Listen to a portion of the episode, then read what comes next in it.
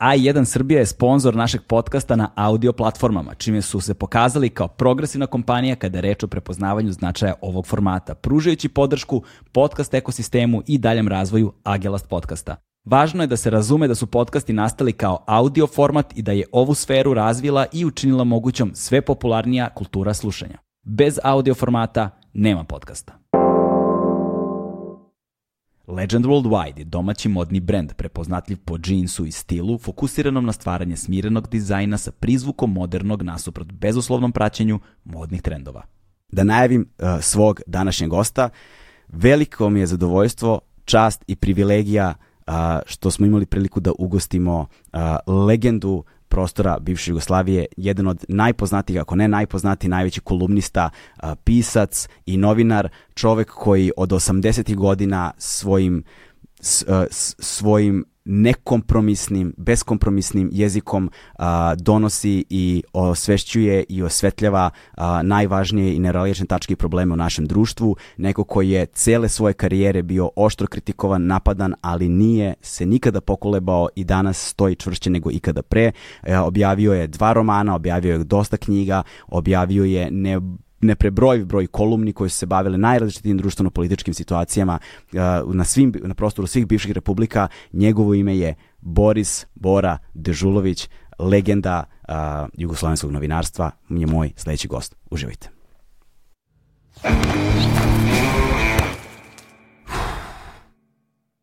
Hmm.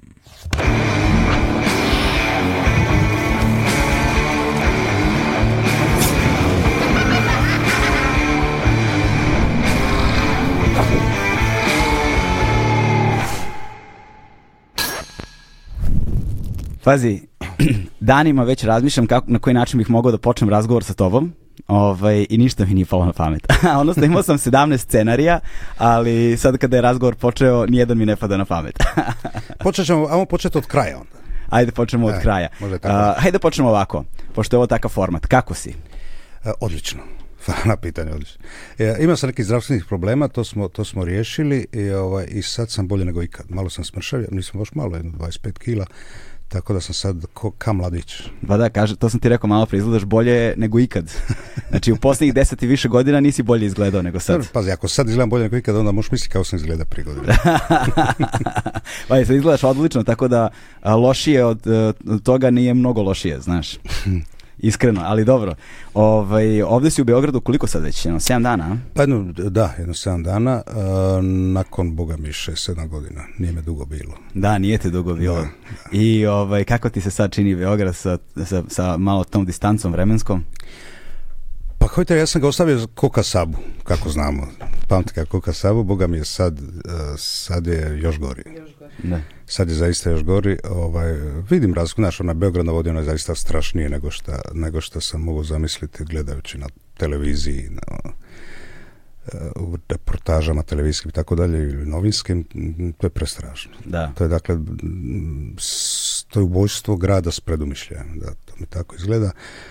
Promijenilo se dosta toga, ne mogu naći taksi, u, da, to je problem. To nema šanse šetajući, ne znam, sinoć od, od Crvenog krsta do Dorčola, baš sam brojao, dakle svaki drugi poslovni prostor u prizemlju je ovako kockarnica, apoteka, kockarnica, apoteka. Shvatio sam da je Beograd grad kockarnica i apoteka. Mm. Mnogo silikona na ulicama, puno više nego što sam, šta sam ovaj, ostavio prije 5-6 godina. I, i ovih jebenih romobila u pičku mater. To je pun grad, ono, na, romobilo ovdje sam vozilo mm. da se ne bi osjećalo strancom, tako da... To, Tako, to, su ponovno pa utisci, utisci na, na prvi pogled. Pazi, više romobila, ali manje kodnjskih zaprega. Ako ćemo već tako. Ovo, ovaj, s jedne strane, da, nekako ta tranzicija nikako da prođe. Znaš, čini mi se da ne možemo više da govorimo o tranziciji, već o nekom permanentnom stanju. Pa sad nisam siguran da je počelo. Pa to. da ti kažem, tako da. E, je, je. E, tranzicija bi pretpostavljala da, da ideš od nečega ka nečemu. Mm. Ovdje se e, ne zna ni odakle ni kamo. Bar mm. tako.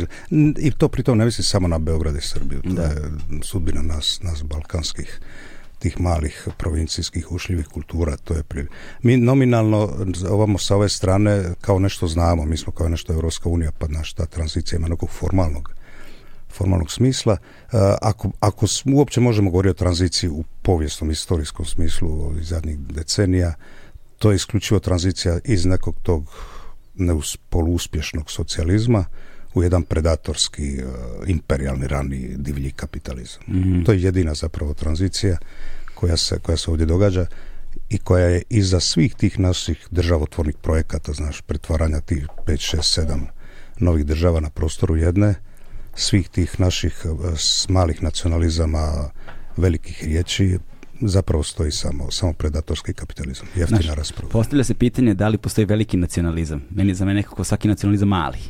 Pa dobro, ajde da, da kažemo da, da je veliki nacionalizam nacionalizam velikih naroda. Vjerojatno je ruski možda, možda nešto veći od naših. Pa, naš, Ako na taj način merimo nacionalizam. Možemo, mogli bi tako. Tako da, u tom smislu mi jesmo sitni, ono ušljivi mali nacionalisti. Tačno toliko. Da. Ovaj, učestvovao si ovde na Krokodilu Uh, I evo, ja sam bio u Hrvatskoj, ti si bio u Srbiji i uhvatili smo se samo u ovom jednom kratkom intervalu i uspeli smo da se nađemo i veliko mi zadovoljstvo zbog toga. Večera si sa Teofilom Pančićem, tako? Tako je, da. U, ovaj, u Novom Sadu. U Novom Sadu, da. to mislim da će biti sjajno. Nadam se da će red biti kilometarski. pa ne znam, nemam, nemam predozbu koliko, koliko, ja, koliko to može zanimljivo biti, ali znaš, mm. Znači a, ovaj, a, ovde si učestvovao na krokodilu. Jel tako? Okay. Kako ti je bilo na krokodilu? Pa bilo je divno, znaš, ovaj, e, masu ljudi, zaista tu je bilo, ne znam, 700-800 hiljada ljudi.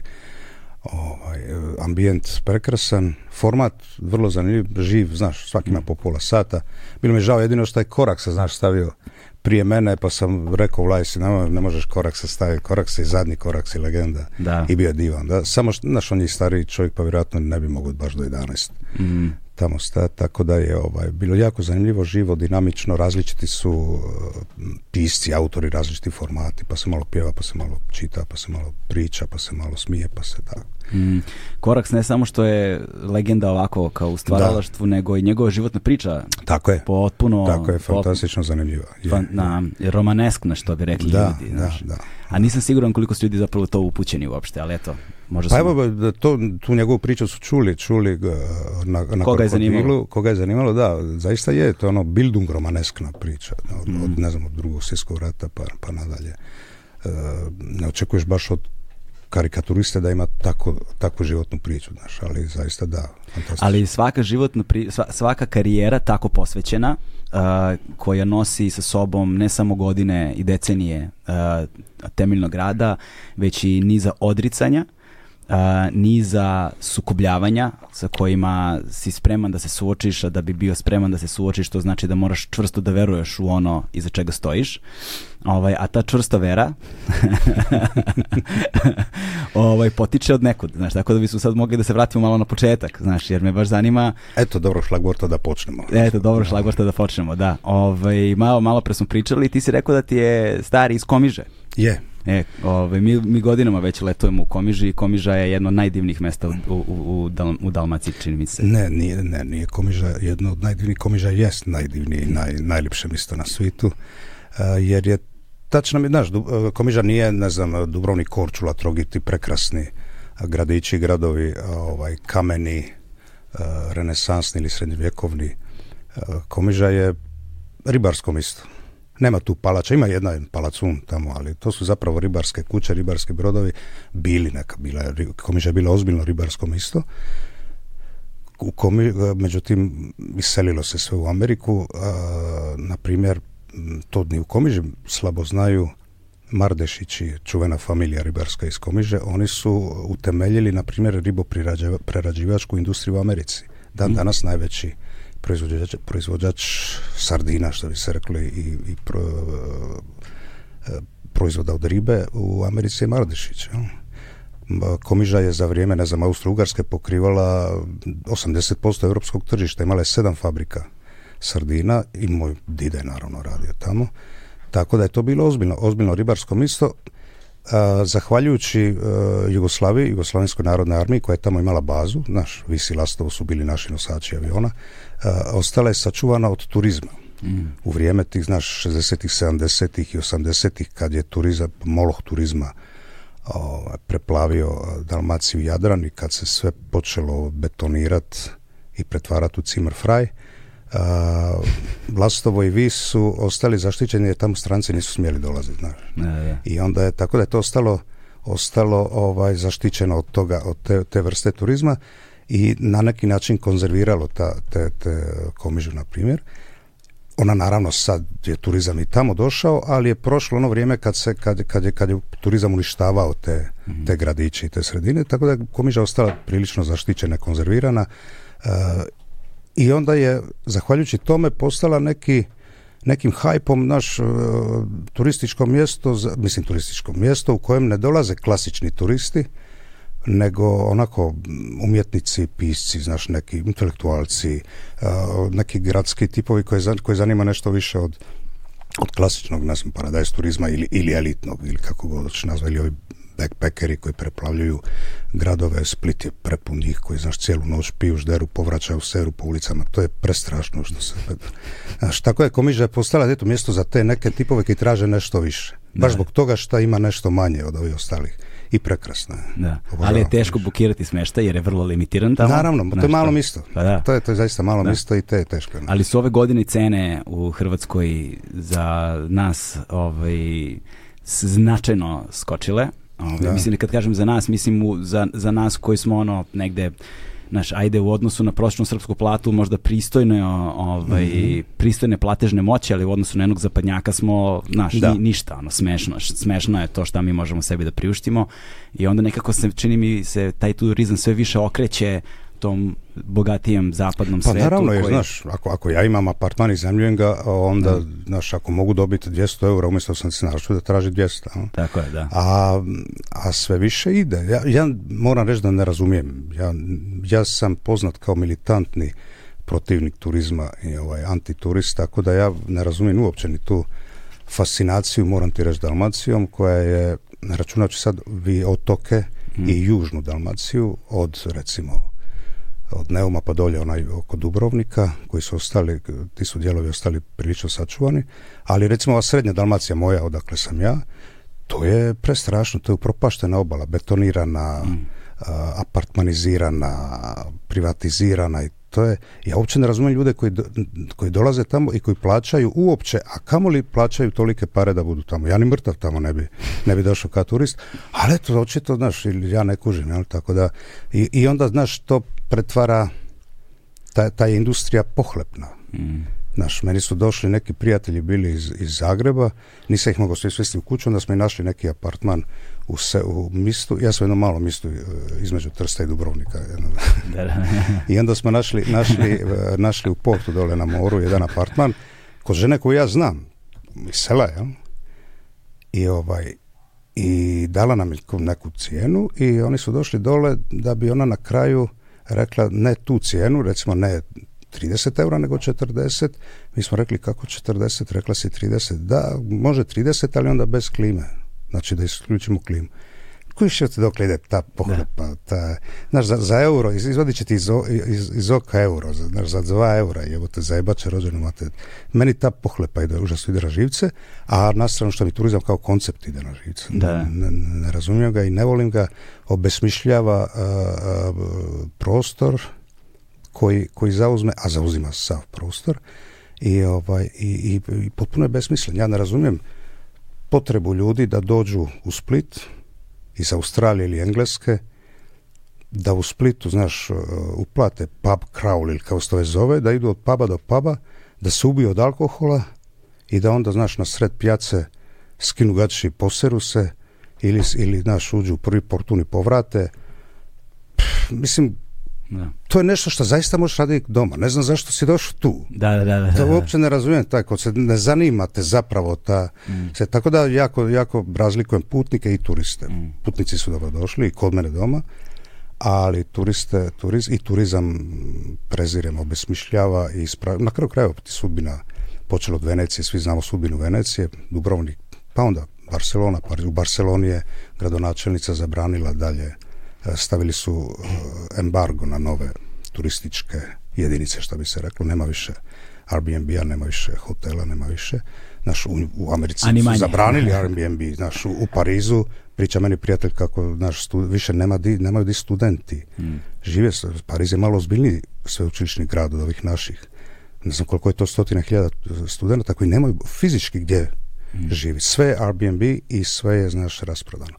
Tako da taj turizam potpuno obesmišljava te prostore, ispražnjava. Naš Split je, na primjer, moj Split, on je sad prekrasno uređen za te fucking turiste, ne za nas. Hmm. Mi smo se povukli, na rivi više nema splića Ali je on prazan, to je ljuštura grada.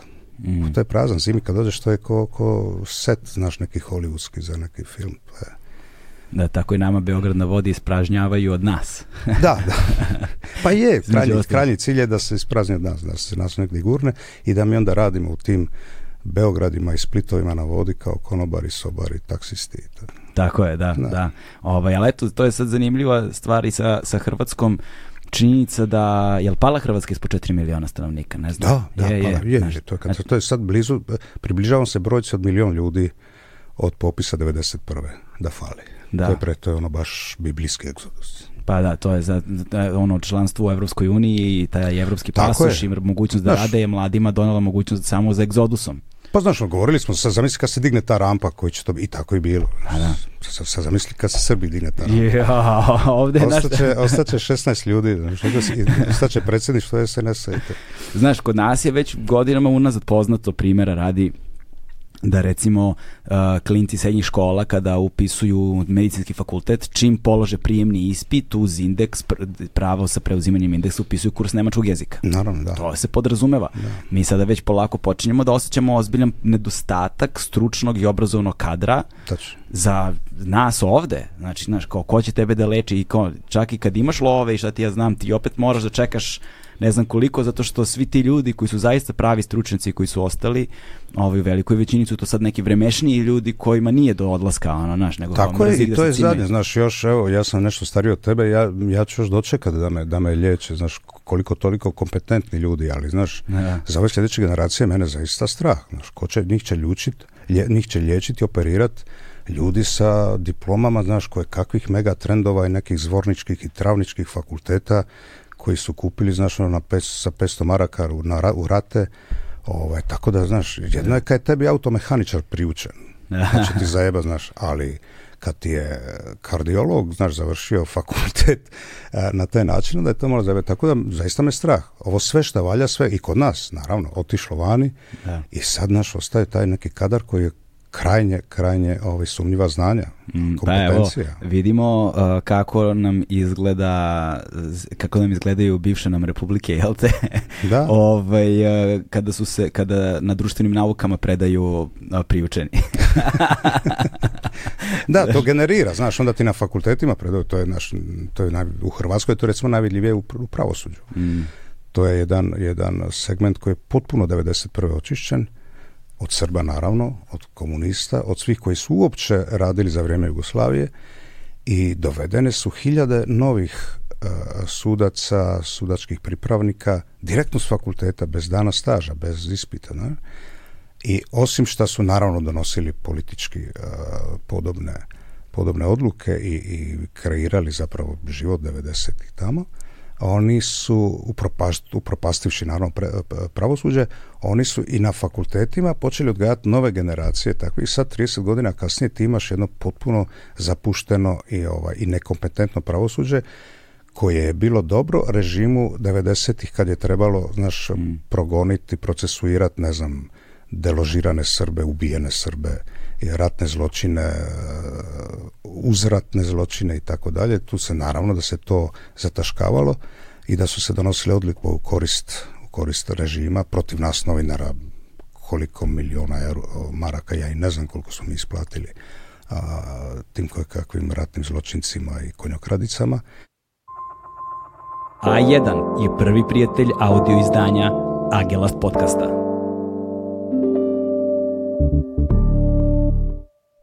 Ali, znaš, nakon 2000. godine, nakon tih promjena, sad više nije bila ta ratna situacija, ni ratno stanje i sad, znaš, sad se ljudi dolaze u situaciju kad više e, nije riječ o, zločinima u Lori ili u Pakračkoj poljani i Srbima i tako dalje, nego je riječ o tome, znaš, o tebi i meni, o, mm. naš, e, mi smo u zavadi zbog međe ili, ili ti, znaš, ili je, ili je neko zgazio autom, ne, i, znaš, sudovi donose katastrofalne odluke ne više naravno zbog samo odnosno ne više uopće zbog toga što rade za nekoga u režimu nego zato što naprosto ne znaju posao i to je katastrofa. Da. I to je katastrofa. Ovaj dve stvari su mi pale na pamet sada totalno ovaj s jedne strane kako drugari Daško i mlađa kažu Ovaj, Daško je inače bio jedan od moderatora, sad je to mhm. neka interna fora na krokodilu. Mhm. Ovaj, oni hmm Ovaj, on sa Koraksom baš razgovarao. Aha, da, e, oni, da, kako oni kažu, kako, kako oni kažu, ovaj, ako društvene nauke nisu nauke, onda prirodne nauke nisu znanje.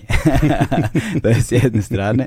Ovaj, s druge strane, moj kum je baš napisao knjigu koja se zove Kako sam postao putnik i prestao da budem turista. To su ovako dve, dve inicijalne e, stvari koje Vidiš na tragu onoga moje Tako je, da, da, to. Ovaj, tu je negde, pokazat ću ti je posle. Um, ti si dakle rođen 64. tako u Splitu. Ovaj, kako je izgledao to, je, to su stvari o kojima ti zapravo ne pričaš puno ili barem nismo imali prilike puno da, da čujemo o tebe, barem ja nisam sretao. Mhm. To je tvoje odrastanje u Splitu i taj period, kako je izgledao taj, pošto kad god se priča, jer ti si jedan od najtvrđih, ako ne i najtvrđi kritičar ovaj, nacionalizma e, na prostorima e, bivše Jugoslavije i ovoga što živimo kao svakodnevicu danas i onda se često tu kao paralela pomenje nekako jugonostalgija, znaš, između ostalog, ali onda kad govorimo o toj jugonostalgiji, ne govorimo mi tu o pravoj jugonostalgiji, svi su mi rođeni i odlasli u neko vreme, Znači, to vreme kad si mali ti ostaje kom god da si, znaš. Sa smo rođeni u Austro-Ugarskoj, bili bi Austro, Austro-nostalgičari. Austro-Ugaro-nostalgičari. Pa ne, naravno, to nije nostalgija za sistemom i državom, nego za vremenom. Za vremenom kada si odrastao. naravno, naravno. Iako ima i takvih, Viktor Ivančić je teški nostalgičar, ja se stalno s njim svađan. ako obnoviti Jugoslaviju, ja ću prvi ću šumu se boriti protiv, dosta je bilo. Dvije su bilo dosta, ovaj, znaš, divna je to ideja, ali meni je dosadilo da se svakih 40-50 godina znaš, koljemo. Ajde da se, znaš, jedan razvojimo za, za svakda i da, da, da uspostavimo neke normalne odnose i onako od sutra neće biti granica između nas. Isti je kurac koji usled, znaš. znaš, mi sad živimo u Velikoj Jugoslaviji do, do kao bi rekao, do, do Madrida i... do, do, do, do, tako da, znaš, pusti to. Ajde, znaš, ajde da živimo normalno, pa kako god se to zvalo. Ispunjavamo jedan isti kulturni prostor. Tako je, koji, koji... Delimo zajednički jezik. I tako će biti taman da, taman da, je, da između nas kineski zid, kao što je bio. Da, Pa džabe Opet, da. opet pričam, opet se razumijemo, opet, opet nisu uspjeli apsolutno u ničem u što se toga tiče. Uspjeli su naravno sve drugo. Ali to je, ista nam su, mi isti smo. mm Da se ne lažemo, jedno sa, isti smo, ista smo govna i govorimo isto. Jel to Kundera beše rekao, da su Srbi i Hrvati ista balega koju je presekao krleža, to, krleža, krleža, krleža, krleža, krleža, koji je kotač povijesti presekao na pola. Tako je, krleža, da, da pomrkao sam, e. izvinjavam se, smrtni greh. ovaj, krleža, da. Um, kako je izgledalo to tvoje odrastanje u Splitu, u tom periodu, toj, toj i takvoj Jugoslaviji tada? Pa bilo je, znaš, ono, bilo je, bilo je nevino i najvino i, i znaš, koji, koji svugdje, koji, koji u mm. Beogradu, koji u Ljubljani, koji u Uspiću ili Gračanici. Naivna, nevina vremena, sigurna vremena mm. u kojima se moglo zaista hodat noću, znaš, sve te, svi ti klišeji e, o, o životu Jugoslavije koji su točni. Jel? Mm. Mm, I socijalna sigurnost, znaš, svi smo odrastali u nekim familijama koje nisu bile imućne, ali nismo odrastali u siromaštvu, bilo je naravno i toga, ali sad govorimo, ajde, u nekom, nekom prosjeku. Moj otac je bravar, radio u brodogradilištu, moja majka je službenica, i mi smo živjeli sasvim, sasvim lijepo i odlazili na godišnje odmore u Komižu. Jel? Da i tako dalje. E, e, a život, ja sam živio u centru e, Splita i naš, mi smo živjeli na ulici. Mi smo zaista provodili cijele godine na ulici. Bačvice, to je, Znam. to je moja kućna plaža. Se pičio Picigin. Picigin, naravno, da. Picigin, Karte, Briškula, Trešeta, Hajduk, Yeah. imali smo naš kvartovski klub za se satana. Tako da sam bio već bezbožnik, već sa, sa deset godina smo osnovali taj klub i od Valencije smo kopirali grb, on ima ono šišmiša u, mhm. u grbu, pa smo eto imali nogometni klub satana, sanjali da ćemo igrati u Hajduku, nikad taj san naravno nismo. Ostvario je jedan od nas, ne baš iz naše ekipe, kad smo bili na probi u Hajduku, ja sam igrao lijevo krilo, bio sam onako dosta brz, ne neki bogom dani talent, ali sam bar ja vjerovao da jesam. I ovaj, bili smo probi u Hajduku i nisam, nisu bili fascinirani mojim znanjem. Uzeli su jednog čelea koji je išao u razred s mojom sestrom i on je kasnije napravio ovaj, ozbiljnu karijeru, to je Aljoša Asanović, ovaj, mm. ovaj igrač, eh, kasni hrvatski reprezentativac i Hajdukova recimo čak i legenda. A, tako da se tu, znaš, u, u tom, to su koordinate u kojima smo odrastali do nekih pubertetskih i postpubertetskih godina kad počinješ se formirati, jel, kad te i dalje zanima Hajduk, kako onda tako i danas, ja sam sa 508 godina, ja i dalje imam osam, subotu imam osam godina i kreten gledan i nerviram se na televiziji, ali onda znaš, sa, sa 15-16 počinju zanimati druge stvari, u naš život je ušao rock and roll, ušle su naš ono, lake droge, sitan, sitni kriminal, strip, muzika, svašta nešto i onda smo, onda je naravno vojska sve to presekla, vojska sam bio u Gornjem Milanovcu. Pričat ćemo o tome, to mi je posebna e. tema.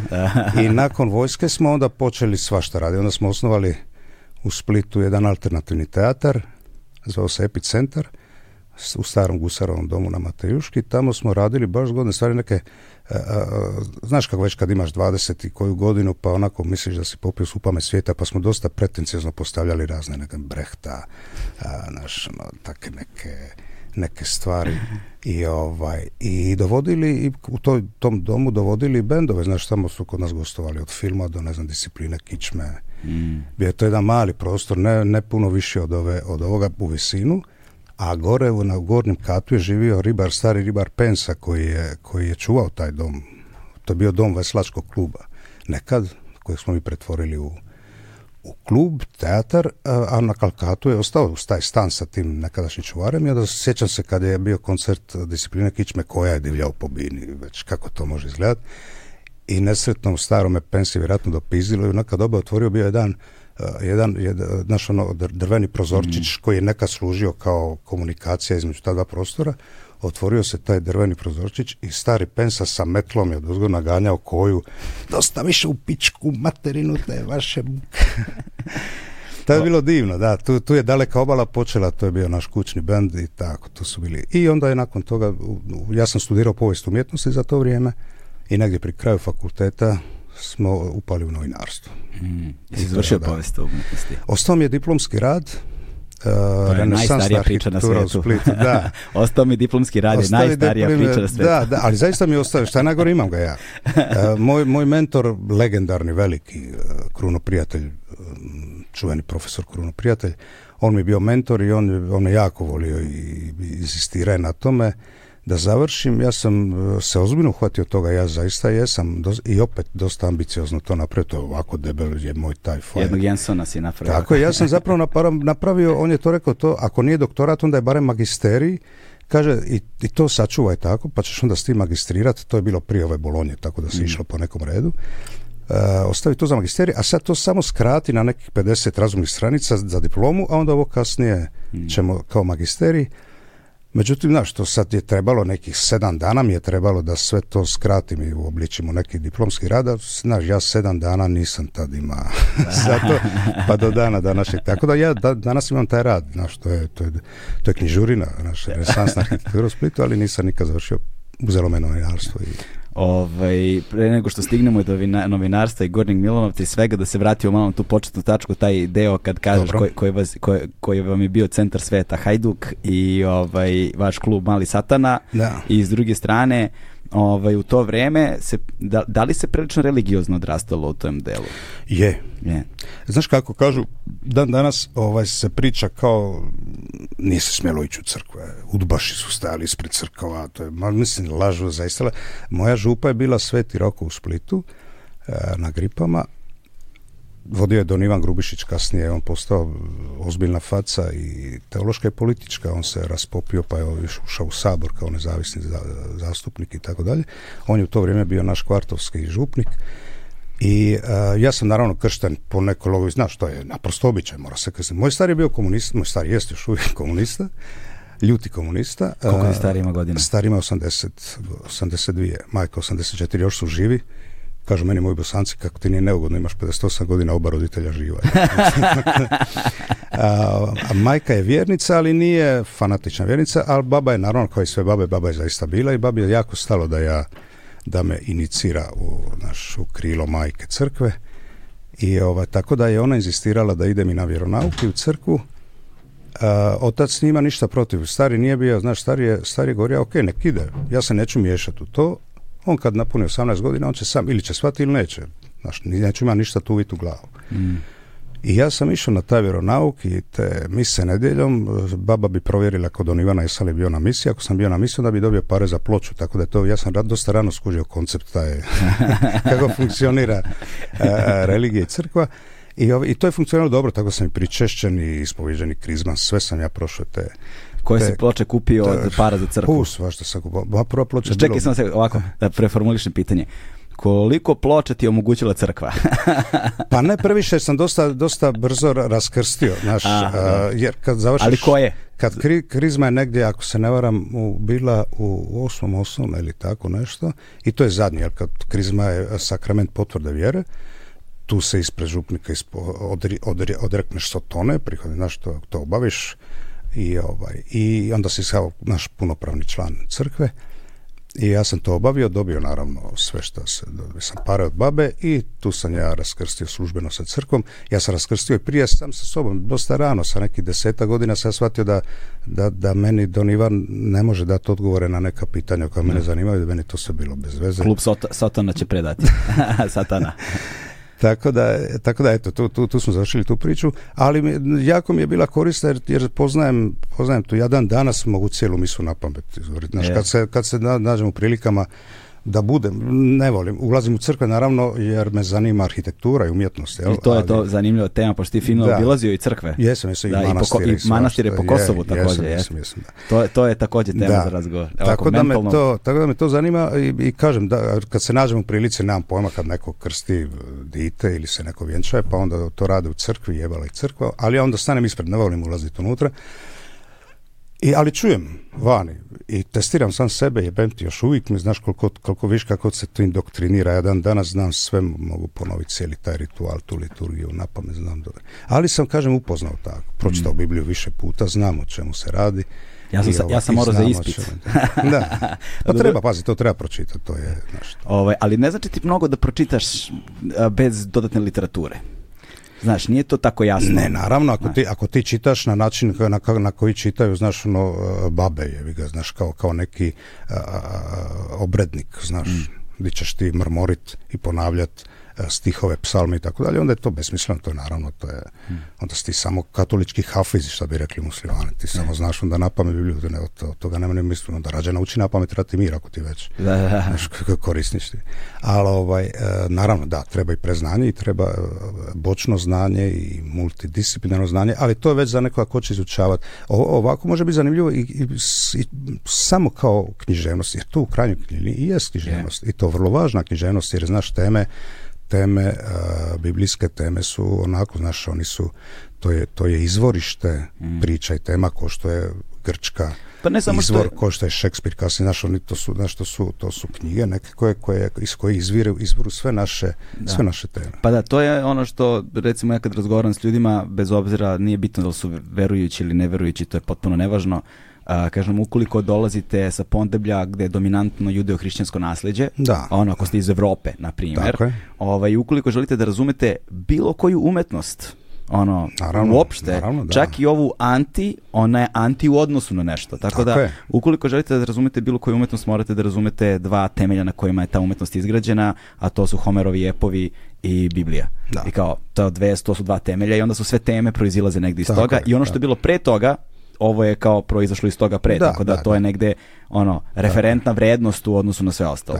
Ali pominjem sad ta dva namerno zato što nas one vode nužno kad dve, dve, dve, dve tvoje ono poslednje knjige nazovimo ih tako, mm -hmm. odnosno tvoja je na Libar, Bili, Bili, Bili, Libar, Bili knjiga, Bili Libar. Bili Libar, tako je i druga je Suma ateologija, mm ovaj, koju sam ja naivno prvo mislio da je nekakav dijalog sa Tomom Akvinskim. Onda sam pročitao predgovor i bio pozvao na u pičku Ko je pisao predgovor? Claudio Battistelli Claudio Batistelli. Doktor, doktor Claudio Da, da.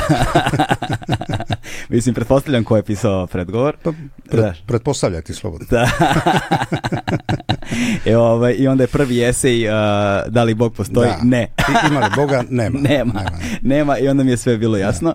Ovaj, ali to je zapravo zbirka tvojih tekstova je, posljednjih 15 godina, na primjer. 20 godina.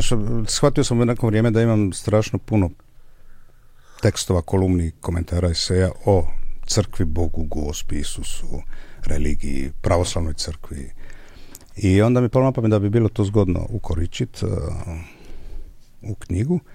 Izdavač Ex Libris Riječki, to je, i to je izdavačka kuća koja inače objavljuje teološku literaturu mm. i to je jako dobro, to je ozbiljna e, kuća. To nije ova e, turbo katoliko verbum i to znaš oni koji objavljuju koje kakve budalaštine, oni objavljuju ozbiljne, ozbiljne teološke autore pa kako vidiš i ja ali tako da su i meni, ja, užasno me veselilo naći moju knjigu između, ne znam, Moltona, Kinga i tako dalje, tih, tih ozbiljnih e, teoloških autora i, ovaj, i, i ispalo je zgodno. Ja sam mislio što biti onako knjiga koju će uzeti mm, jedan, jedan uski krug ljudi koje to uopće zanima i koje, međutim to se tako rasprodalo da je to naš bilo fascinantno i sad će ići treće izdanje. To ti kažem, ja sam probao da nađem knjigu Uh, u da. više gradova, i u Sarajevu i u Beogradu nisam je našao.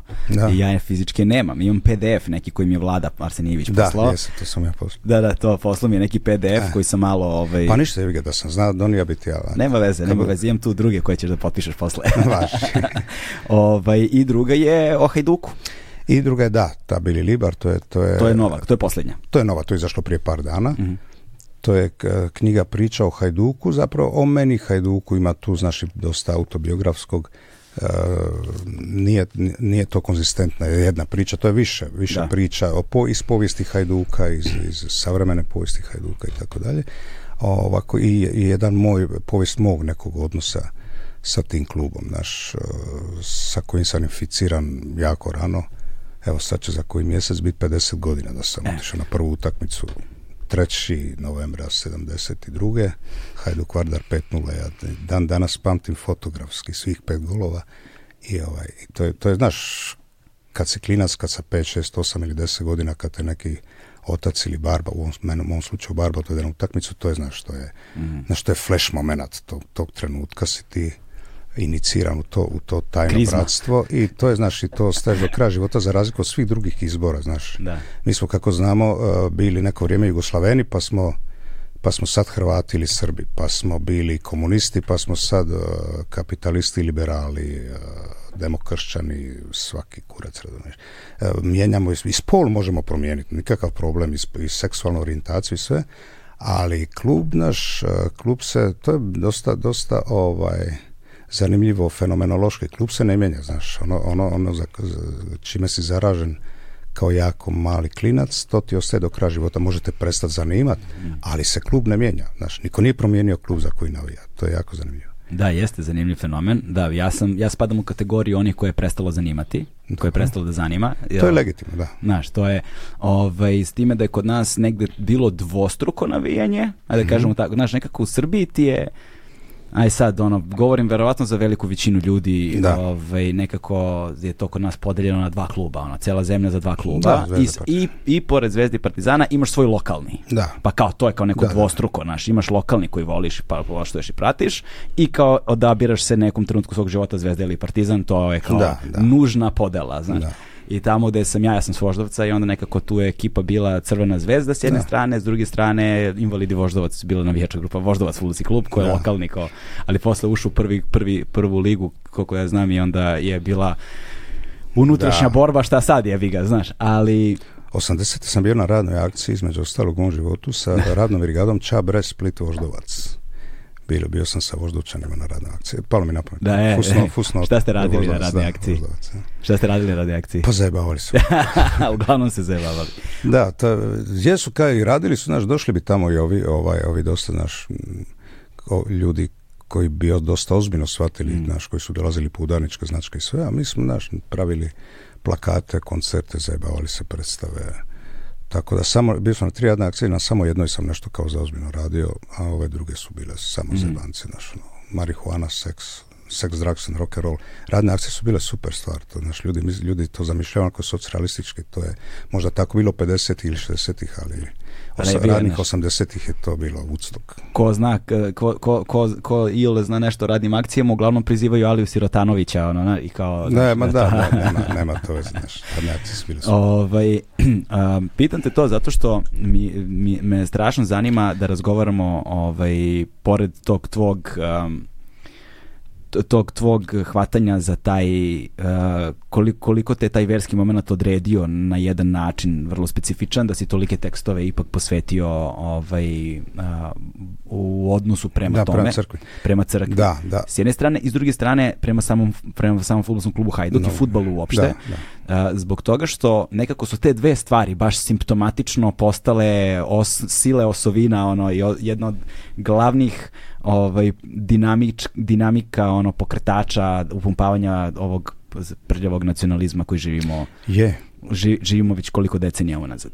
I onda me zanima, ne, znam ni koliko mlađe generacije zapravo prevashodno kad govorimo o futbolu i kad govorimo o navijanju klubovima, znaju istorijate tih klubova, šta su oni predstavljali, na koji način su oformljeni? Pa ne znam, znaš, ono, mi, mi, mi stari, evo, ovih dana sam sjedio sa Sinan Guđevićem, fanatičnim navijačem Partizana, koji je imao misiju da me upozna sa Nenadom Bjekovićem, koji je strelac gola koji je meni upropastio djetinstvo, tako da sam posvetio knjigu čovjeku koji mi je upropastio djetinstvo. 76. da, da ne davim sad sa tim pričama. Ne, slobodno, e, slobodno, slobodno. To je ona čuvena utakmica Olimpija Partizanu koja je Partizan osvojio titulu 76. tim golom u duboku sudačkoj nadoknade i tako dalje. Ali dobro, mnogo me e, nogomet ja recimo, evo, meni niko ne vjeruje, znaš, kad je bilo svjetsko prvenstvo, onda su... Onda su, Ovo zadnje u Rusiji. Hrvatska je došla u finale, uzela drugo mjesto, Povijesti uspjeh i sve divno.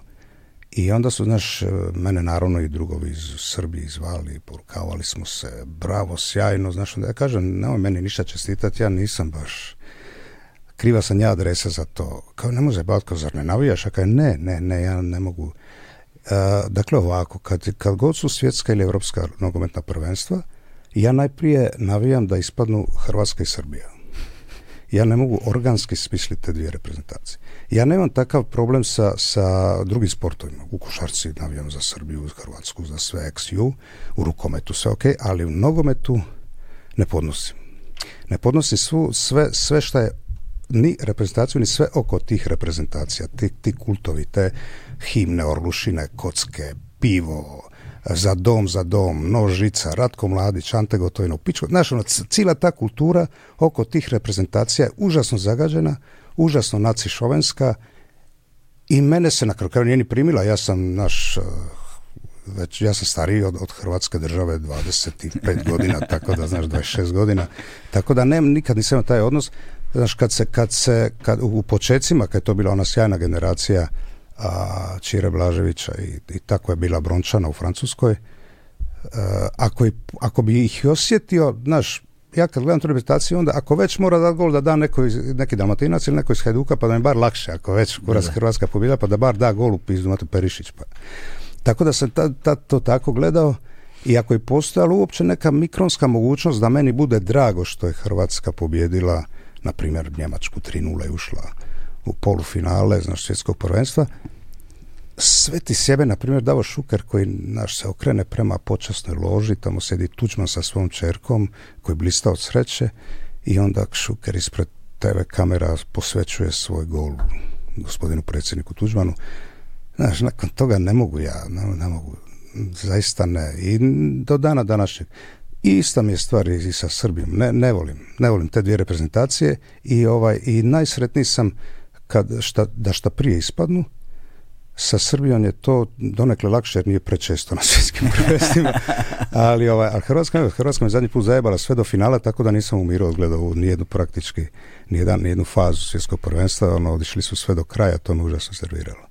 Ne volim Hrvatsku i Srbiju u nogometu i ovaj i navijam protiv njih da što ispadnu i da onda u miru gledam da navijam za Englesku, Argentinu, Brazil ili već ko, ko, naš volim, volim te, te, te nogometne, te kulture, koje nisu lišene ovoga o čemu govorimo, ali to nije moje, to nije moj problem, ovo je moj problem. Da, e, sad, zanimljivo u tome, možda, mogli bismo se dotaknemo teme takozvanog istorijskog revizionizma, ne takozvanog, da. nego istorijskog revizionizma, upravo kroz, recimo, temu futbala, to jest nogometa. Ovaj, ja, nažalost, nisam veoma dobar sagovornik u, tome, zato što zaista i to naša publika veoma dobro zna, ja apsolutno ne pratim nikakav mhm. profesionalni sport. Ja sam, ja sam upravo iz tih razloga, između oslog, raskrstio sa profesionalnim sportom. Da jer odrastao sam naravno kao i mnogi drugi posebno u kraju i u vreme u kojem sam odrastao, ovaj, navijanje je bilo neodvojivi element naše svakodnevice. Da. I sport kao takav u nedostatku drugog kulturnog sadržaja je ispunjavao sav kulturni prostor koji nam je bio potreban i onda smo te apetite morali da crpimo nažalost iz sporta. Ovaj, stvar, i, onda, I onda u jednom trenutku ti počneš da prepoznaješ da se gradi kult ličnosti, idolopoklonstvo, tog, to, tog tipa, što prema pojedinačnim igračima, što prema samim klubovima, a onda to počinje da generiše jednu drugu vrstu ovaj, mehanizama, u kojima se sad tvoji identiteti, kre, identiteti kreiraju, a te identitete u nedostatku drugih mehanizama i sistema i porodice i ja znam okruženja u mhm. kojem živiš, koji bi trebalo da budu nekakav filter i da, da, da, u tebe ugrađuju nekakvu vrstu kritičkog odnosa prema stvarima, no ti nekritički iz potrebe da pripadaš prosto upijaš da, grupi, u, da mhm. u, upijaš ono lopatom šta ti se da i nažalost to što ti se da, daje ovaj, je katastrofalno, ali dugo je godina meni trebalo da ja prepoznam to, da prepoznam šta je to šta sam ja jeo, pio, disao non stop i da je to strašno zagađujuće i onda više ne znam što će. na kraju iskreno mnogi ljudi čini mi se iz toga i ne izlaze što ni ne znaju kako da izađu niti kako se odrekneš svega toga, kako da okrneš novi list i da počneš neki drugi život, ovaj, ali kako da osvestiš zapravo celokupnu tu stvar. taj revizionizam funkcioniše na nekoj bazi anti nečega i onda da bi se izgradio taj identitet, on se gradi na anti onome prethodnom, ali svo znanje tom prethodnom se na neki način briše. Ne, pa svi naši identiteti, ovi nacionalni su zapravo anti, definirani e, drugim. Mhm. Hrvati su definirani Srbima. Kad bi Srba nekim čudom nestalo, na svijetu. Hrvati bi bili u problemu identitetskom.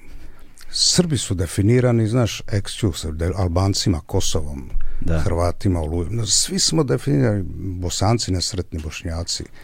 Svi smo definirani i, to govori koliko smo zapravo upućeni mm. jedni na druge. Ne samo upućeni, zaista praktički definirani. Hrvati svoj jezik definiraju razlikujući ga od Srba. 90-ih je bila ta moda da se objavljuju razlikovni riječnici, da se izmišljaju riječi samo da ne budu da ne budu iste ili ne daj Bože kao, kao srpske, što je naravno bilo najčešće davalo smiješne rezultate i nije se primilo. Jel? bilo je viceva, sjećam se u to vreme. No, bilo, neviđeni, budalaštine.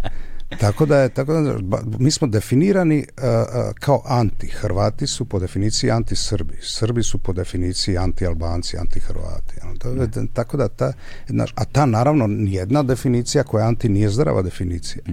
I na kraju krajeva dovodiš u situaciju da ovisiš Eh, mi smo, Hrvati su to, kao bi te rekao, na karikat, karikaturalan način osjetili, jer nama je zaista nestalo Srba u jednom trenutku. Protirali smo. Šta ćemo sad? I onda naravno izmišljaš Srbe. Jer ti trebaju, jer se definiraš se mržnjom i odnosom prema Srbima. A Srba više nema, otišli svi na, u traktorima, razumiješ, otišli. Šta ćemo sad? Idemo ih izmišljati. Onda, onda je Dežulović odličan Srbin. I onda smo mi, znaš, onda su Feralovci Srbi, Srbi. Onda su, znaš, kogod se ne uklapa u sliku Hrvatske i Hrvata, ta je, šta drugo može biti nego Srbin? Da, Tako da, vidiš kao smo definirani mm. samo tako. E bez, e sad, kako se, e, e, ono na što ciljem jeste da pričamo o istorijskom revizionizmu kroz istoriju Hajduka. Da. To mi je zanimljiva tema. Da što sam čitao, mislim, ne znam ja puno istorije Hajduka, ali znam tvoje kolumne. pa znaš, od Raži koji se šeto po Splitu, o antifašističkoj borbi. Da, pisao sam taj tekst za te klince koji nemaju pojma zapravo. E pa to, znaš, puno toga ima. u majicama, ne znam, Hajduk Jugend sa onom nacističkom rušinom, a zapravo nemaju pojma. Ti imaš i ovde To tvoj telefon. Je, je, ovo ovaj moj, ja se izvinjavam. Ovaj, a, a nemaju pojma zapravo da je Hajduk ako je definiran, nije definiran samo partizanskom pričom jer je postojao i prije. Hajduk je klub malo zbiljniji stariji od ovih Dinama, Partizana, ovih simpatičnih klubića. Ovo je pretpostavljam bila neka prozivka. Mi malo stariji, klub koji se isto zove i jednako postoji 111 godina.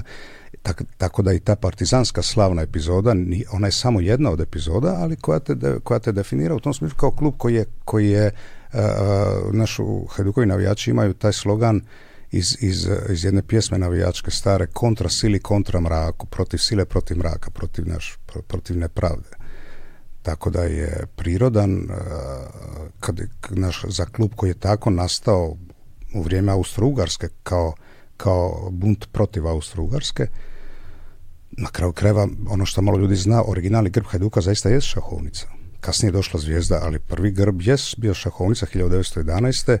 jer je bio naravno e, uperen protiv Kajzera, Franca Josifa i ovaj, protiv Austro-Ugarske. I, ovaj, I u tom buntu protiv tih režima, protiv, tih, e, protiv nepravde je nastao i definiran Hajduk. Kad je došla 41. bilo je potpuno jasno da taj klub ne, oni su imali ponudu da, da igraju talijansku ligu, Mussolini je davao brda i dolina, znaš da Hajduk kao Calcio Spalato igrao u seriji A u Italiji, da igra protiv Juventusa, protiv Milana, protiv najvećih, da budemo u prvoj italijanskoj ligi. Naravno da, da je to su igrači upravo Hajduka odbili, onda su došla, došla ponuda iz Zagreba da se obnovi kao Hajduk, kao klub, hrvatski nogometni klub. Čak, su, čak je odigrana jedna humanitarna utakmica 41. u Zagrebu, gdje Hašk i građanski, gdje je sav novac bio za, za obnovu Hajduka da igra u prvoj ligi NDH zajedno sa ta dva kluba. Naravno i to je odbijeno i Hajduk je otišao zamrzno djelovanje i 44. se obnovio na Visu kao klub Narodno-slobodilačke vojske Jugoslavije kao partizanski klub i odlazi na turneju po slobodnim teritorijama po Sjevernoj Africi, Italiji. Jednu, jednu nevjerovatnu i nezabilježenu ratnu epizodu igrali smo protiv uglavnom ratnih momčadi britanske vojske, savezničkih vojski i tako dalje i šamarali sve živo jer na što je bila ozbiljna ta ekipa, ta generacija bila osvojila, tada je igralo se prvenstva Banovina, Hajduk je osvojio prvenstvo Banovina 41. bez poraza, bil bi fantastična bila ta generacija braće Matošić i onda je ovaj trebalo nakon naš onda prvaci e, Banovina, najbolje ekipe iz Banovina igraju ligu jugoslavensku. Jel? Međutim, u to je došlo 27. mart, Trojni pakt, e, bombardovanje Beograda, počeo rat i tako da ta liga nikad nije odigrana, i, ali smo imali jako momčad. I taj momčad po Italiji, po, po Sjevernoj Africi i Italiji harala i onda je 44. su Englezi shvatili da znaš da trebaju obraniti čast engleskog nogometa jer neki drumski razbojnici haraju naši i ubijaju momčadi Rafa, momčadi Mornarice, momčadi Britanske. To su bile jake ekipe u kojima su igrali čak i profesionalni nogometaši engleski koji su regrutirani u drugom svjetskom ratu. I onda je dogovorena ta čuvena utakmica u Bariju pred 50.000 gledatelja. To je najveći sportski događaj u drugom svjetskom ratu između Hajduka i momčadi Britanske vojske. Uh, Hajduk je do tada već bio potpuno iscrpljeni malarijom, oni su, igrači su putovali s Jamesom, to je stari jedan kamion, spavali su u košu kamiona ili ili, ovaj, ili na, uz cestu. E, tako, da, tako da su, držali su se prvo po vrijeme, ali drugo po vrijeme su ih ovi ubili, mislim da je 7-2 završilo za Engleze, ali tu naravno rezultat nije bio bitan. Naš poslana je poruka, slika obišla svijet, to je baš poznata utakmica i, ovaj, i prihod od karata, pola pola stadiona su bili američki vojnici koji su navijali za Hajduk, a pola britanski koji su naravno navijali za britansku, tako da je bilo čak i nereda na stadionu. Mm. Torcida, Torcida USA je, izazivala nerede. Bilo je čak i nekoliko tučnjava, tako da je zanimljiva priča. I, ovaj, i, a prihod sa utakmice se dijelio, znaš, pola novca išlo za partizanske ranjenike, pola novca za žrtve nacističkog bombardiranja Londona. I onda je došlo oslobođenje i Hajduk se vraćao u Jugoslaviju, kao cijelo vrijeme igra kao Hajduk. Oni su praktički mobilizirani, oni su službeni klub Hajduk, Narodno oslobodilačke vojske Jugoslavije i nakon što je odbio, eto, rekli smo i Mussoliniju ponudu da igra u seriji A, talijansku prvu ligu, nakon što su odbili da igraju u NDH, došla je ponuda 45. da Hajduk bude i službeno klub, armijski klub.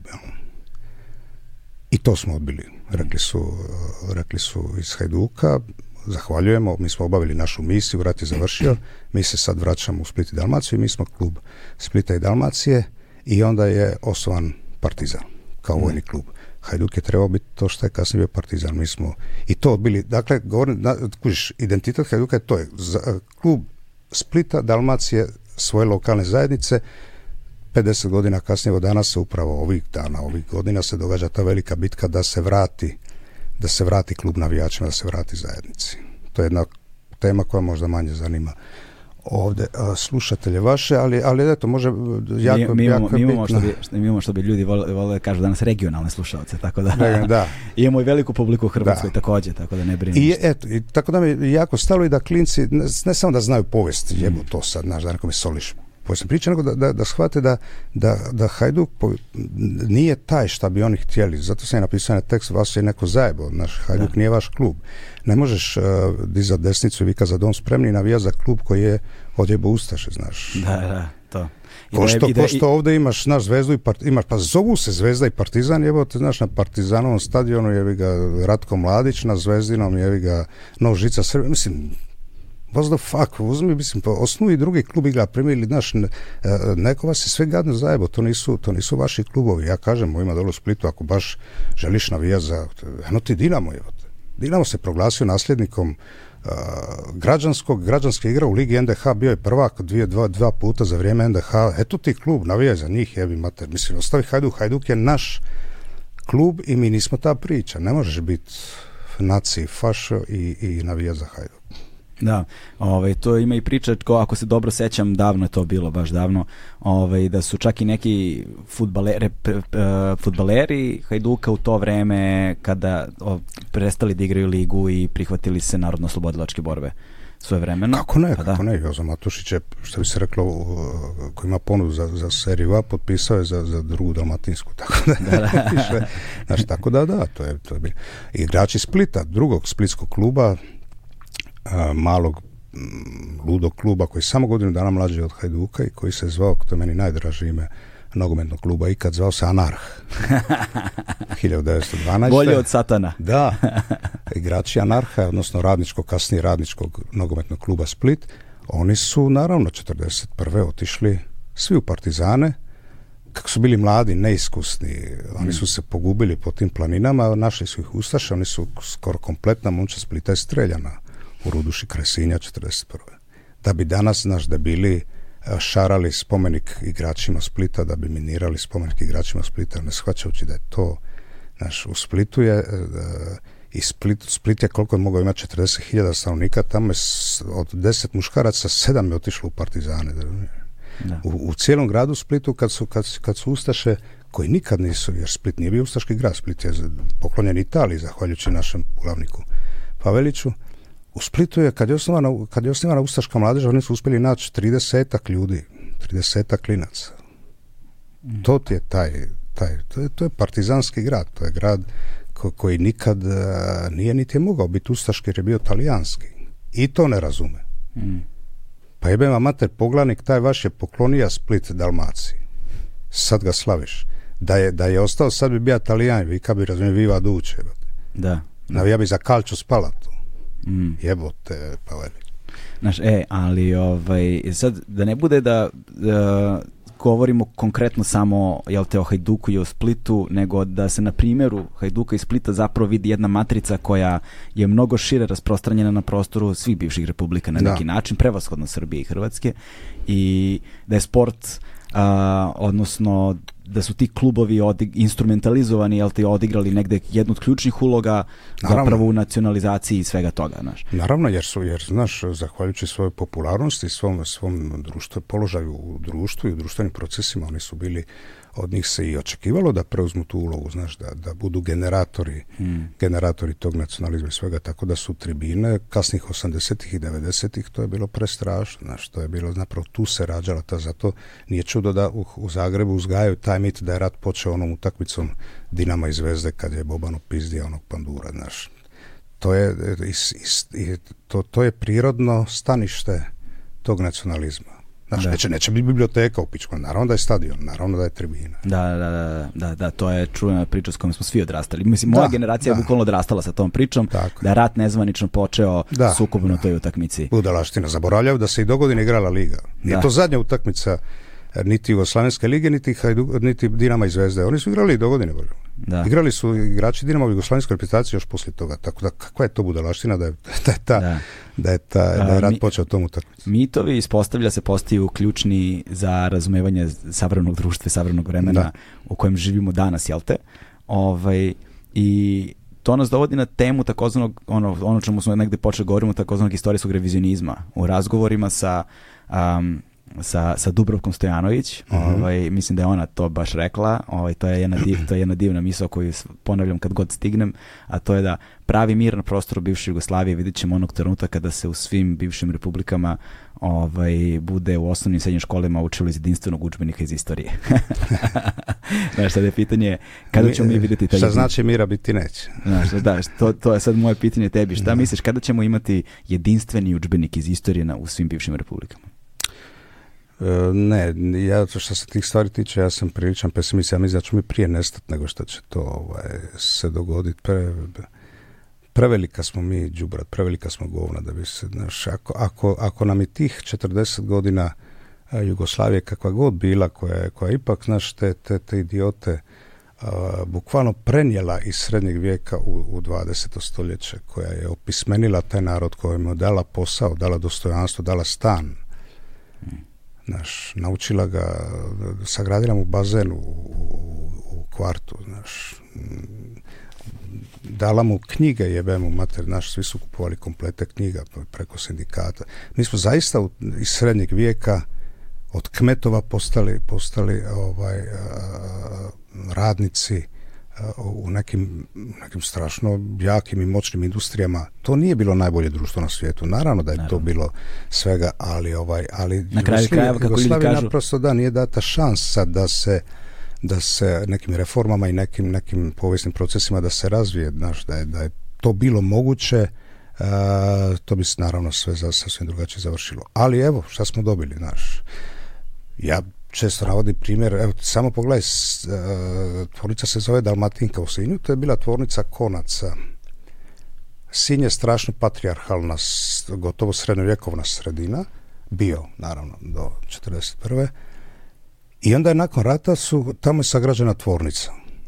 Onda su najprije sinjske žene koje su naravno submisivne, naše su u, u patrijarhalnom društvu, one služe samo za reprodukciju i da služe muškarcu i ni za što drugo odjedanput su dobile posao. To je bio prvi šok naš u Sinjskoj krajini da žena ide na posao.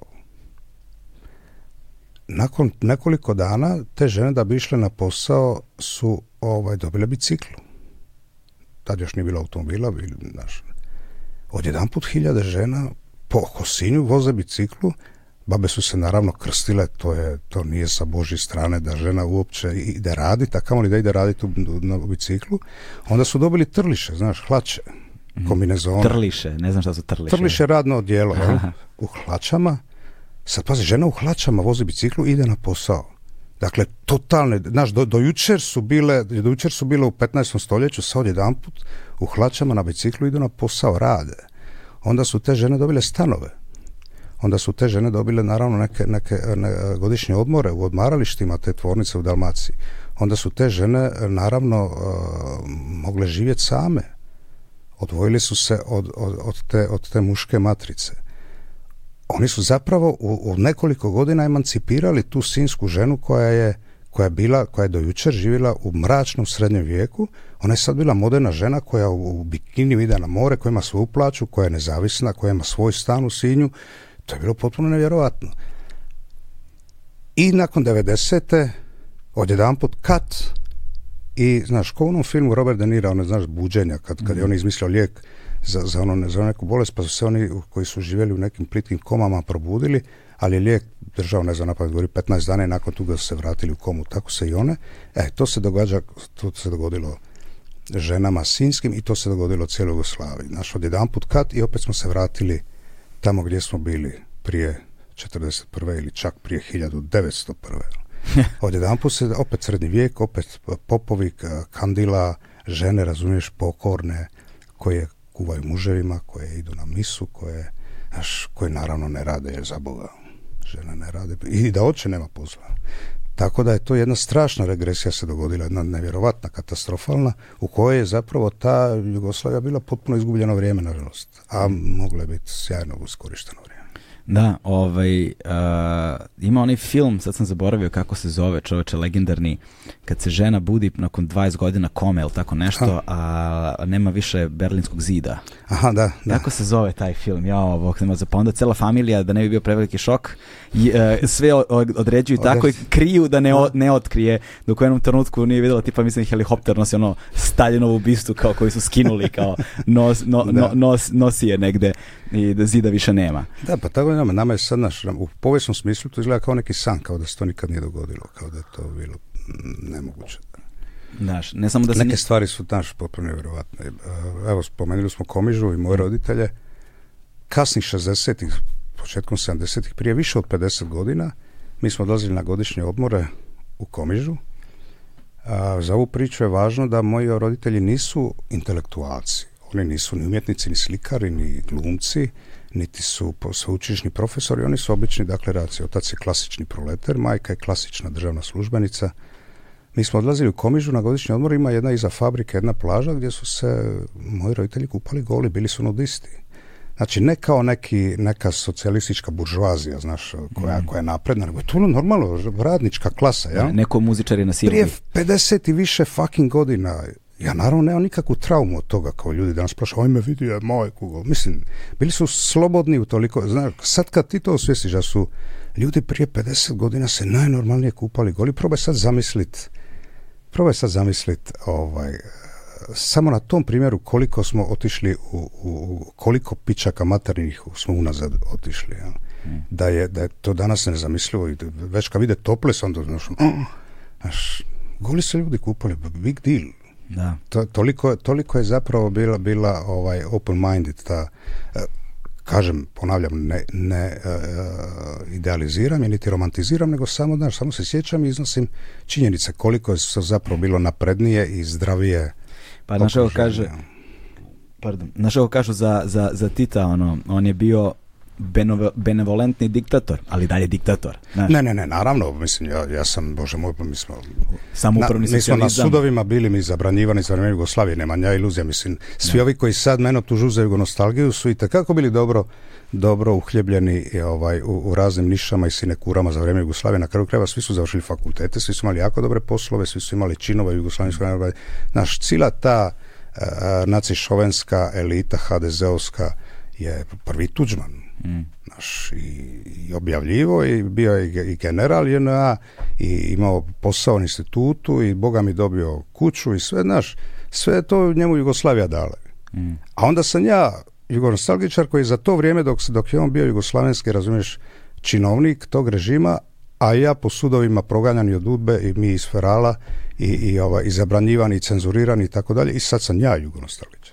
Da, da, da, znaš, da, znaš mislim za, sličnu stvar negde optužuju, optužuju mene, ali upravo ne razumijući da ja samo posmatram identitetski ono što je nama ta Jugoslavija, mm. ono u nedostatku boljeg jel te izraza, dala na neki način. na neki način, ja sam, ja sam bukvalno dete Jugoslavije. Ono, ja, ja sam, da nije nesvrstanih bilo, ja ne bih postojao. Ja fizički ne bih postojao. Da, fizički ne bi bilo. da, mene fizički ne bi bilo da nije bilo tih nesvrstanih. Znaš, tako da, ovaj, a danas je to ne, nezamisliva, nezamisli scenario. Znaš, kao višestruka traumatizacija koju ti proživiš ne pripadajući identitetski zato što se fizički i na druge načine razlikuješ. Znaš, ja koji dolazim iz ono iz, kažem, mešovitog braka po tri osnova, i konfesiono, i etnički, i rasno. Da. Znaš, e, za te odra, odrastaš u, u, u 90-im. I ovaj, ja sam posljednja generacija pionira, bio, ja sam 89. Da. bio pionir, 90. više nije bilo pionira. Ti si znači zadnji. Da, to je to, znaš, e. I ovaj... I onda ti se nalaziš u jednom vakumu, znaš, ti se nalaziš u jednom prostoru zarobljen između svetova u kojem, ne, ne, u kojem nemogućnosti da pronađeš tu vrstu pripadnosti, znaš, generišeš pitanja na koje ne možeš da nađeš odgovore. Znaš, i onda se postavljaš pitanja samo sebi zašto se ovo dešava ovako, zašto na ovaj način. Znači, to je ono što je mene između ostalog vremenom i udaljilo potpuno od profesionalnog sporta i zato naglašavam mm. profesionalnog sporta. Da. Amaterski je nešto drugo. Znaš, ti kad vidiš ljude koji rade, brate, od 9, od 8, da, da, od 8 do 4, znaš, rade ono šljakeri i onda skupljaju svi po 2000 dinara da plate sudiju i iznajme teren i one sami sebi šiju dresove i krljaju se, razumeš, po kolenima u blatu do ovde, znaš, to ti je onda ovaj, to je ljubav, znaš, tu vidiš ljubav Ma, naravno, sportu, to je, znaš, ja, ja to sam, druga stvar. Kad je prije desetak, 15 godina Hajduk bio pred stečajem, kad ga je spasila politika, jer, znaš, kao prevažan da ga... Mm. Ja sam bio strašno protiv toga, ja to nikad nisam oprostio, znaš, nikad ne bi pristao na to da me spašava politika. Ja sam navio zato da ide u stečaj, znaš, ajmo u stečaj, idemo u pičku, mato, idemo, znaš. Mm. Propali smo, idemo u četvrtu županijsku ligu, igrat ćemo protiv kolektivca iz Postira, iz znaš, ono, i Mračaja, ga, i na, na, na, prodat ćemo polju, napraviti neki mali stadion za 10.000 ljudi, super, znaš. Idemo back to basic, idemo, naš, idemo s početka, ali ne... ne postoji način da Hajduk u tom slučaju bude kao St. Pauli, na primjer? E, nažalost, ne. Ili Orma, ili, naš ima ti klubova koji su, naravno, koji, ali, znaš, to kod nas ne može, nažalost, proći.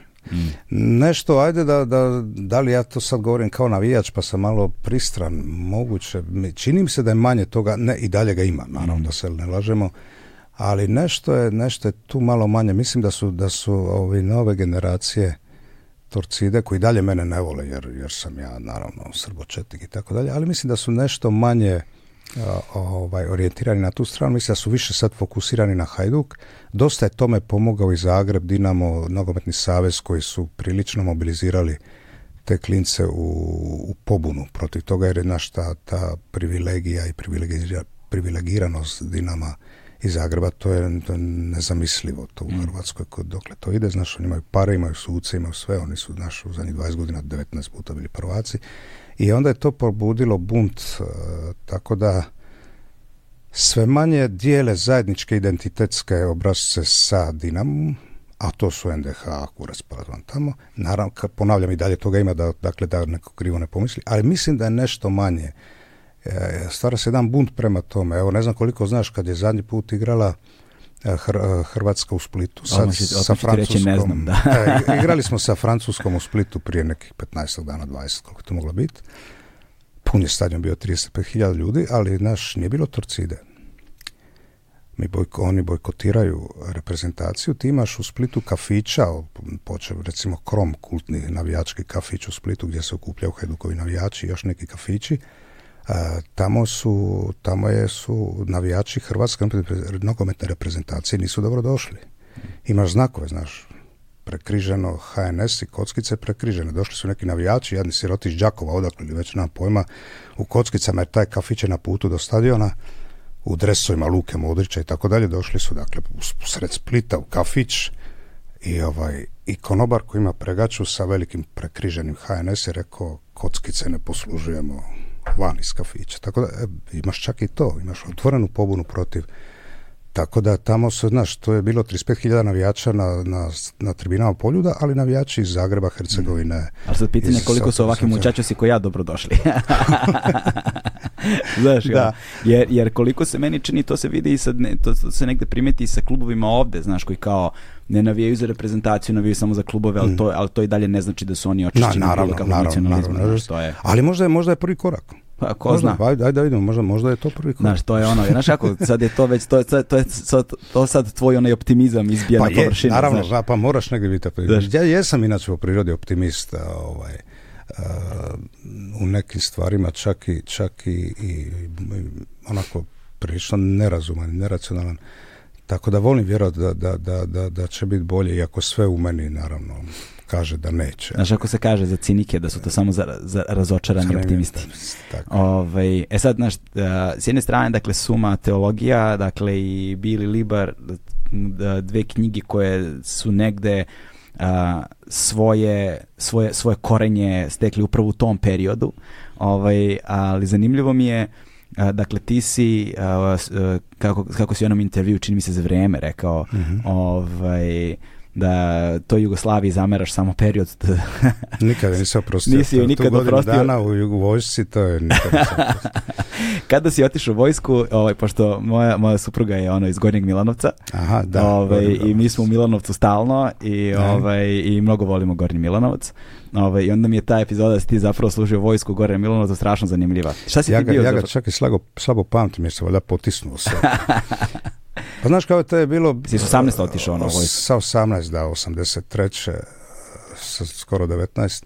Završio srednju školu i, znaš, otišao u vojsku. Znaš, do, do jučer si živio u nekom potpunom nevjerojatnom svijetu. Znaš, 80. Svi su imali bendove, svirali, zajbavali se, imali nevjerovatne planove za budućnost, upisivali neke fakultete i onda odjedan put neko iščupa iz tog, ono, sa rive i, u neku kasarnu u kojoj si okružen sa hiljadu i po potpunih idiota. I tad prvi put se zapravo sudariš, sudariš sa stvarnošću i shvatiš, znaš, znači, to su to su ljudi koji, koji danas glasaju, tad bar nisu mogli glasati, pa je, Znaš, šta se sudariš sa zapravo pravim sociološkom stratifikacijom našeg, našeg društva i shvatiš da je to prestrašno. Naš od tih hiljadu i pol ljudi u kasarni bilo je naš nekoliko desetina ili čak stotina ljudi koji, koji, koji bukvalno nisu znali pisati. Koji nisu znali slova. Ja sam jednog učio, učio pisati. Uh, e, od hiljadu i pol ljudi ja sam bio sa jednom, jednim ili dvojicom sam se uspio naći da možemo pričati. Mi dan danas smo u kontaktu. Dakle, a sa 1498 ostalih, ali apsolutno ništa nisam imao.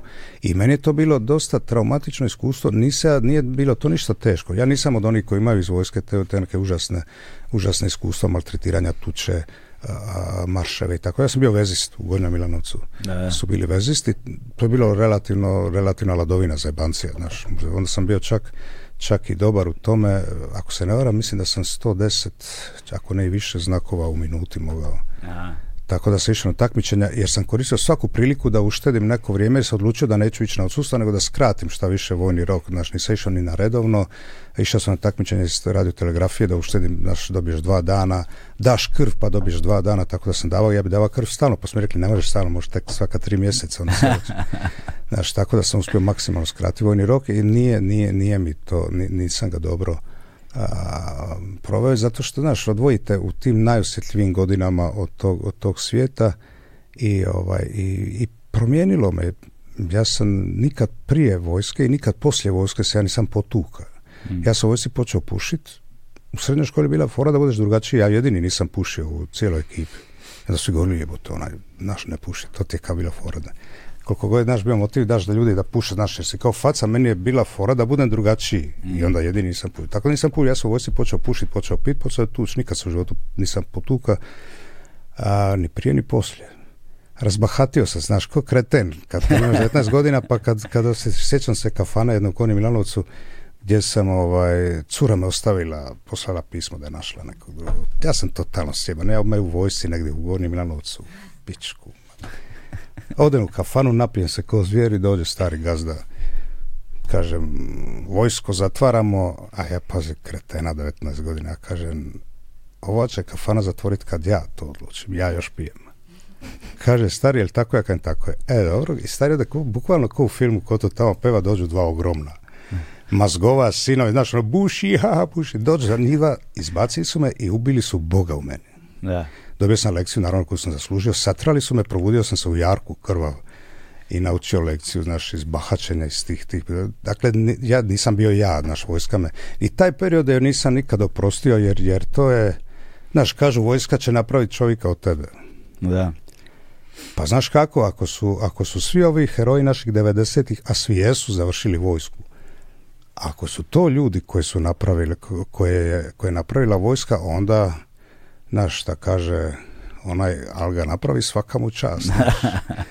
Ajde da probamo onda pravi ljude na neki drugi način, ovo očito ne pali, znaš, jer mm. to je, jer nisu napravili ljude od nas. Sva i neka, znaš, kaže, naučit ćeš se dizat ranu, naučit ćeš pravit krevet, naučit ćeš, znaš, ono, održavati higijenu, jer se, prat čarape.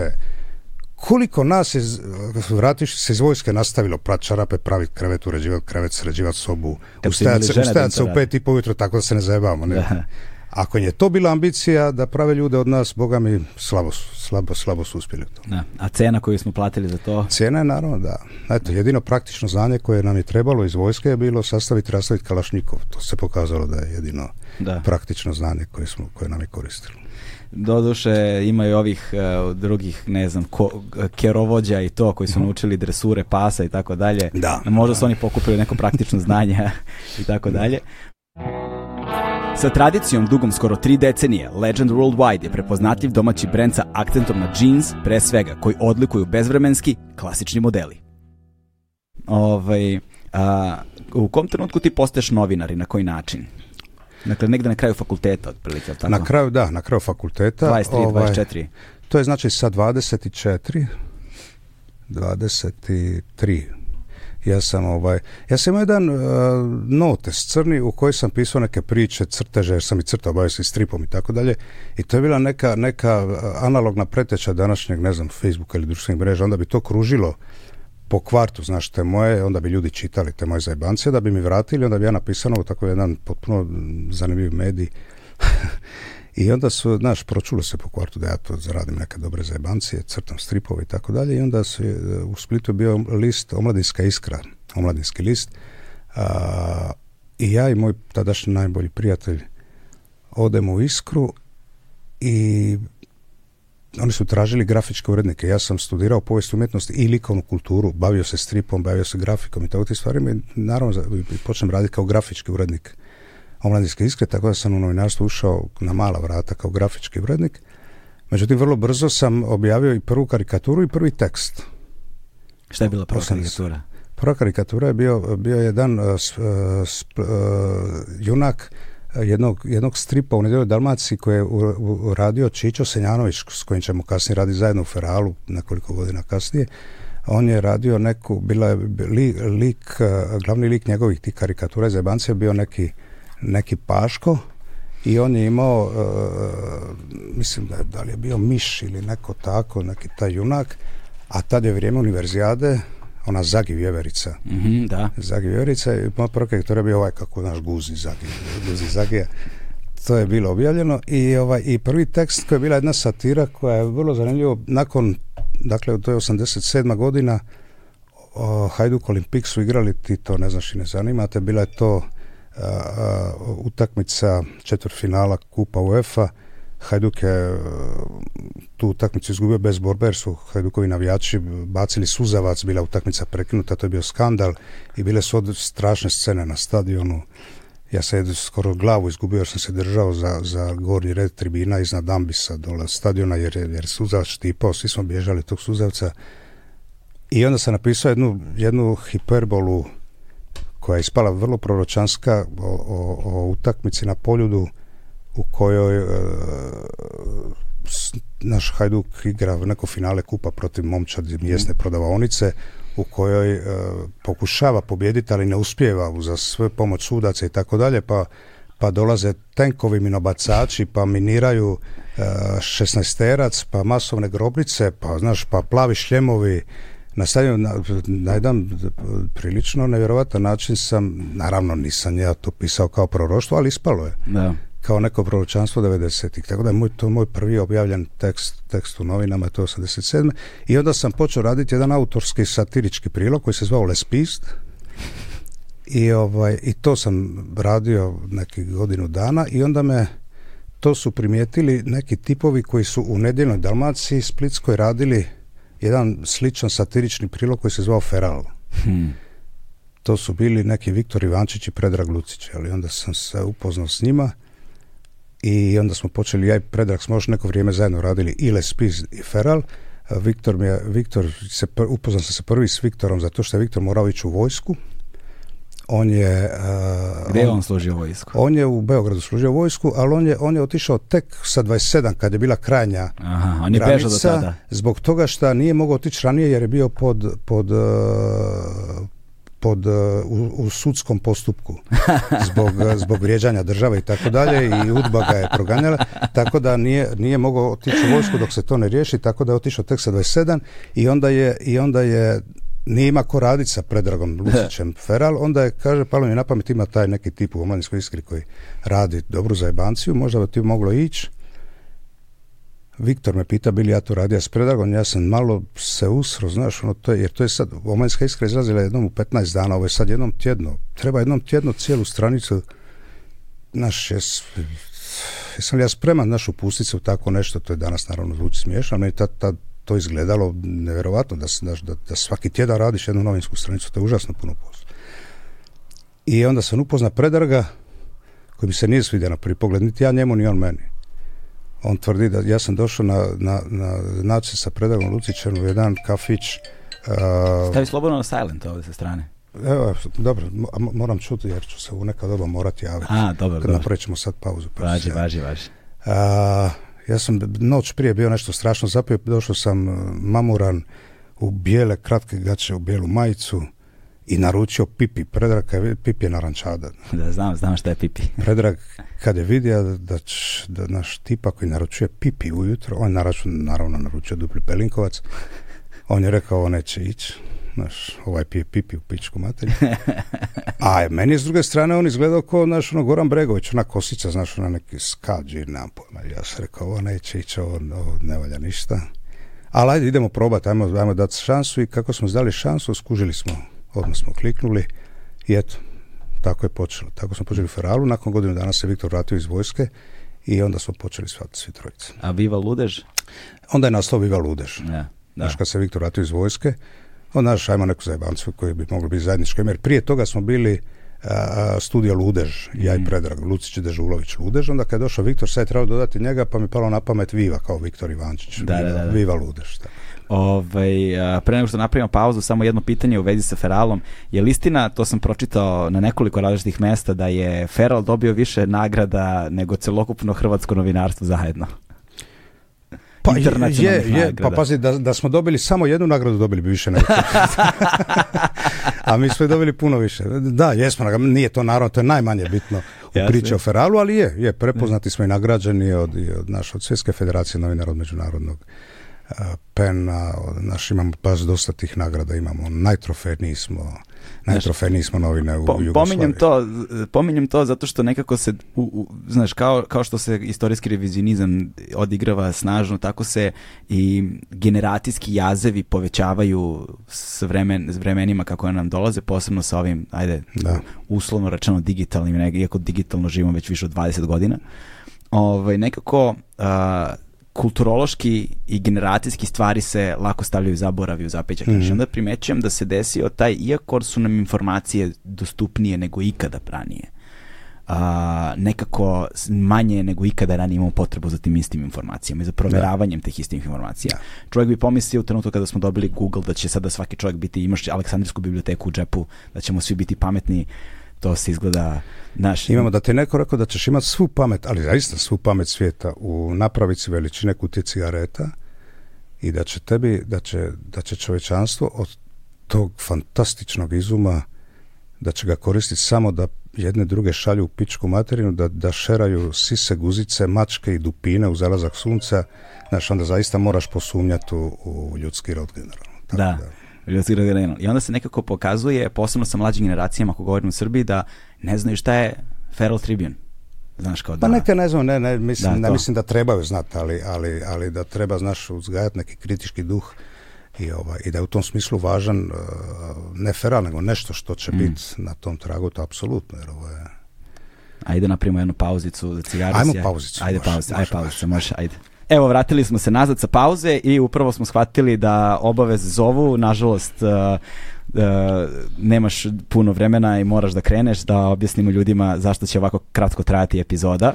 Da, pa dobro, eto, uklopilo se u priču. Da. nadiru, čuli smo da iz Kragovica nadiru radnici Fijata u štrajku koji će blokirati grad, a ja moram paliti za Novi Sad i da ne bih ostao zarobljen u Beogradu, mm. morat, ću, morat ranije, ali ovaj, dogovorili smo se da, da prekinemo kad bude najzanimljivije, tako da napravimo drugi dio, nastavak, šta će se dogoditi. da, da, da, nastavimo, da, da nastavimo klip cliffhanger, ovaj, a taman sam želeo zapravo da razvijemo e, tu priču koja negde nas dovodi do ovog trenutka preskočit ćemo sad nažalost ceo Feral jer ipak je to deo prošlosti malo se bavimo ovde da o Feralu se više manje sve zna manje, manje više se sve zna o Feralu preskočit ćemo taj deo ovaj, taman, a taman smo ga započeli da. ali ovaj, znaš, zanimljivo je to kad posmatramo savremene prilike ajde sad da počnemo se bavimo malo, malo tvojim kolumnama Ovaj, a, htio sam te, zapravo ono što sam ja htio te pitam jeste u kom trenutku, dakle ti si celog života bio na neki način proganjan, a, preć, prećeno ti je, napadan si, ali oštrica onoga što si ti pisao i, i pišeš i dalje je nešto što, za čime se ja do sada u životu nisam sreo, ovaj, načinom na koji ti to radiš. Mhm. Ja se tačno sećam kada sam se prvi put susreo sa tobom. Ono tvojim likom, tvoj, tvojim likom i delom, tvojim, tvojim pisanjem. to je bilo, ja sam bio klinac od recimo nekih 25 godina, na primjer, i ja sam živio jedan sasvim drugačiji život nego što živim danas. Ove, ovaj, što je negdje prirodno, čini mi se, ali sam ga i, i, i ideološki, ne znajući da je to ideološki, u to vreme sam bio samo glup, ove ovaj, a, živio potpuno, potpuno drugačije i nisam eh, znao da postoji život drugačije od onoga kako sam ga ja zamišljao. Za, za mene je to bilo život je počinju i završavao, završavao se sa mnom. Ovaj, I onda sam se, čini mi se preko Peščanika negde slučajno sreo sa nekim tvojim tekstovima, ne znajući ja tad ni za Peščanik ni ništa da, naravno, Sve, sve sam ja bio potpuni mm -hmm. junac ono, s jedne strane i naleteo sam, uh, čini mi se, jel to tad, tad bilo 2007. ili tako, bio je tvoj roman, uh, jebo sad hiljadu dinara. dinara taj roman je i da ostao meni jedan od najznačajnijih romana u, u, u, toj moj transformativnoj fazi, znaš, koji, koji, mi je, koji mi je... Napravio sam čoveka od tebe. Da, da, da, da, znaš. A, I ono, misija na kojoj se ja nalazim i dan danas, jesu samo pokušaj zapravo negdje da komuniciram upravo tu problematiku. Jer kao neko koji je bio sa jedne strane i našao se na drugoj strani, znaš, često dobijam pitanje kako sada komuniciramo sa mladim ljudima, a ja moj odgovor je ne znam. Znaš, moj, moj odgovor ostaje jedno veliko, ne, ja, ne, ja, ja, ni sam ne znam kako sam prešao taj put i kako ta transformacija izgleda i, i šta se sve tu desilo, možda s nekim velikim vremenskim otklonom će se desiti. Pa da, ali znaš ono, ali kad, kad naučiš, zato je važno što sam spomenuo, čini mi se razvijati to kritičko razmišljanje. Kod, e, ne moramo mi nužno komunicirati sa sljedećim generacijama. U čemu bi smo mi za Boga i pričali, jel? Šta imam pričati sa nekim koji ima 22? Mi nemamo zajedničkih tema. E, ja sam, imam odraslu čerku, odgajajući čerku, ja sam, ja sam mislio da mogu biti recimo prijatelj svog čerke, da neću biti kao ovi roditelji, znaš, e, klasični očevi i sve to. I razmjeno brzo shvatio da ne možeš biti prijatelj. Ona ima svoje prijateljice. Da. Znaš, ona neće meni povjeravati e, svoje prve stvari, svoj prvi seksualni odnos, svoj prvi poljubac. Ona ima, ona prijateljica ima kome će to povjeravati. Ne možeš biti prijateljici. I na kraju krajeva shvatio sam da nije ni dobro. Moramo ostati, otac i majka, moramo ostati, dvije generacije su Zdravo je za te generacije da budu, da i mi idemo na živce i da, i da budu na isti način na koji smo mi za Boga bili bili e, prirodni neprijatelji naših roditelja. Jel? To, je, mm. to je jedan zdrav normalan odnos. Ali ono što možemo napraviti to je da u formativnim godinama, dok ih još uopće možemo učiti, ili dok ih uči i škola i, i, i, i dom roditelji, pa i ulica na kraju da, da u toj formativnoj dobi se nauče kritički razmišljati. Onda će oni sami doći do nekih vrijednosti ako uopće te vrijednosti postoje. Tako da ti, e, mi smo recimo različite generacije, a ti si opet došao do mene jer te to zanimalo, nije ti niko, znaš, nisi me dobio u školskoj lektiri, nego si, e, nego si ni, i Bogu hvala nikad neće niko, ja? E, nego, nego si, znaš, istražujući, shvaćajući da stvari nisu onakve kakve izgledaju, tražio odgovore na ta pitanja jer si naučen kritički razmišljati put. Ne znam ko te to naučio, ali Znaš, mm. tako, da, tako da je to je bitno. E, ne moramo, ponavljam, e, komunicirati. Već ovo je meni, ne, generaciji, već ova je kultura podcasta. Ja o tome ja sam pripu u životu tom, tom ja, to, ja nemam pojma. Sad sam pitao nju kako to uopće funkcionira, ja nemam pojma. Ja sam dijete novina i to onih prljavih novina, znaš, kad ti ostanu prljavi prsti. Ja sam iz tog medija, meni je ovo sve nepoznato, ali naravno učim se, učim se internetu, eto, pišem i po portalima nekim ovo, imam face u piću, to je najviši moj naš da. Ono, doseg, ja eto, face, pa onda stavite te sve neke tekstove da, da Dobro da nemaš Twitter. Da. Pa znaš, Twitter bi čak negdje meni odgovarao, zapravo je, naš kratka forma, pa se može, znaš, aforizmom, kratkom, ubojitom rečenicom, a ko će to, znaš, mislim, ja volim, znaš, meni, je mm. veći, meni veći laptop problem. Ja bi se najviše volio vratiti na pisaču mašinu. Ide mi na živice laptop, ide mi na živice e, činjenica da, znaš, da, da da, da si ti u svakom trenutku pod, zapravo pod kontrolom. Naravno, nisam paranoidan pa da mislim da me sad naš neko, ali saznanje da može. Mm. Saznanje da može. Ja sam mislio recimo da ona fora danas kad ljudi prekrivaju kamere od, od, od, laptopa da je to pizdarija. Mislim, nemam ako ste. Onda su mi rekli, ovi hakeri, zaista može. Znaš, neko ko hoćete, gledat ćete kroz tu kameru. Gledat ćete kako paš nos, razumiješ, dok, dok igraš, znaš, kako gledaš pornografiju, znaš, šta, šta ja znam, svašta.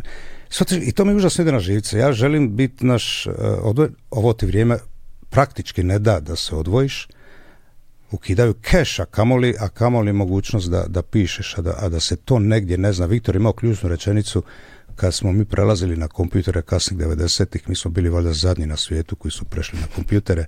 Sjećam se, evo viš kako idu digresije, došla je ekipa japanske televizije u redakciju Feral Tribuna, to je recimo 96. 7 kao i sve televizije i novinari koji su dolazili u XU za vrijeme rata, prvo su dolazili u Feral. mm Mi smo bili prva stanica, svejedno li to CNN i Kristijana Mampur ili BBC ili su neki reporteri e, naš, japanske televizije. Najprije bi dolazili u Feral, onda bi pričali s nama jer mi smo bili, znaš, e, e, pouzdan izvor, bili smo pouzdani, znaš, znali su da će kod nas dobiti e, nepristranu točnu informaciju šta se gdje događa i da im pomognemo gdje dalje, ako idu u Bosnu, ako idu u Beograd, ako idu u Zagreb, s kim da pričaju, jer su, jer znaš, što je bilo kaotično vrijeme, nismo ni mi sve razumjeli, a kamoli neko ko dolazi iz Bostona, on nema pojma, ali se zna da je feral e, stanica gdje mogu dobiti nepristranu informaciju, gdje neće biti e, informacija koja je koja je od hrvatskih tajnih službi ili od srpskih onako, onako prilično pouzdana, tako da je nama svašta dolazilo u redakciju, prolazilo i agenti cije i, i koje kakvi, razumiješ, pokušavali se, bez, provaljivali smo ih odmah, ali ono, zajebavali smo ih. I, ovaj, i, i tako je došla japanska televizija i oni su bili potpuno šokirani, vide pisaću mašinu. Oni, su, oni pisaću mašinu su vidjeli samo u muzeju, oni nikad to nisu vidjeli kako to zapravo funkcionira i bili su potpuno fascinirani, zajebali su sve, jebeš sve ostalo, idemo napraviti reportažu u redakciji koja radi na pisačim mašinama. I onda su nas snimali sat vremena, znaš. Aj, molim te, sad, sad samo kucaj, pa su onda ono zumirali, znaš, ono, ona, ona, šta kljuca, ona slova, pa iz daleka, pa iz bliza, pa ovako, a mi moramo raditi, nama curi vrijeme, oni ne razume da mi radimo, jebote, Na mi vremena se zajebava sa, sa njima.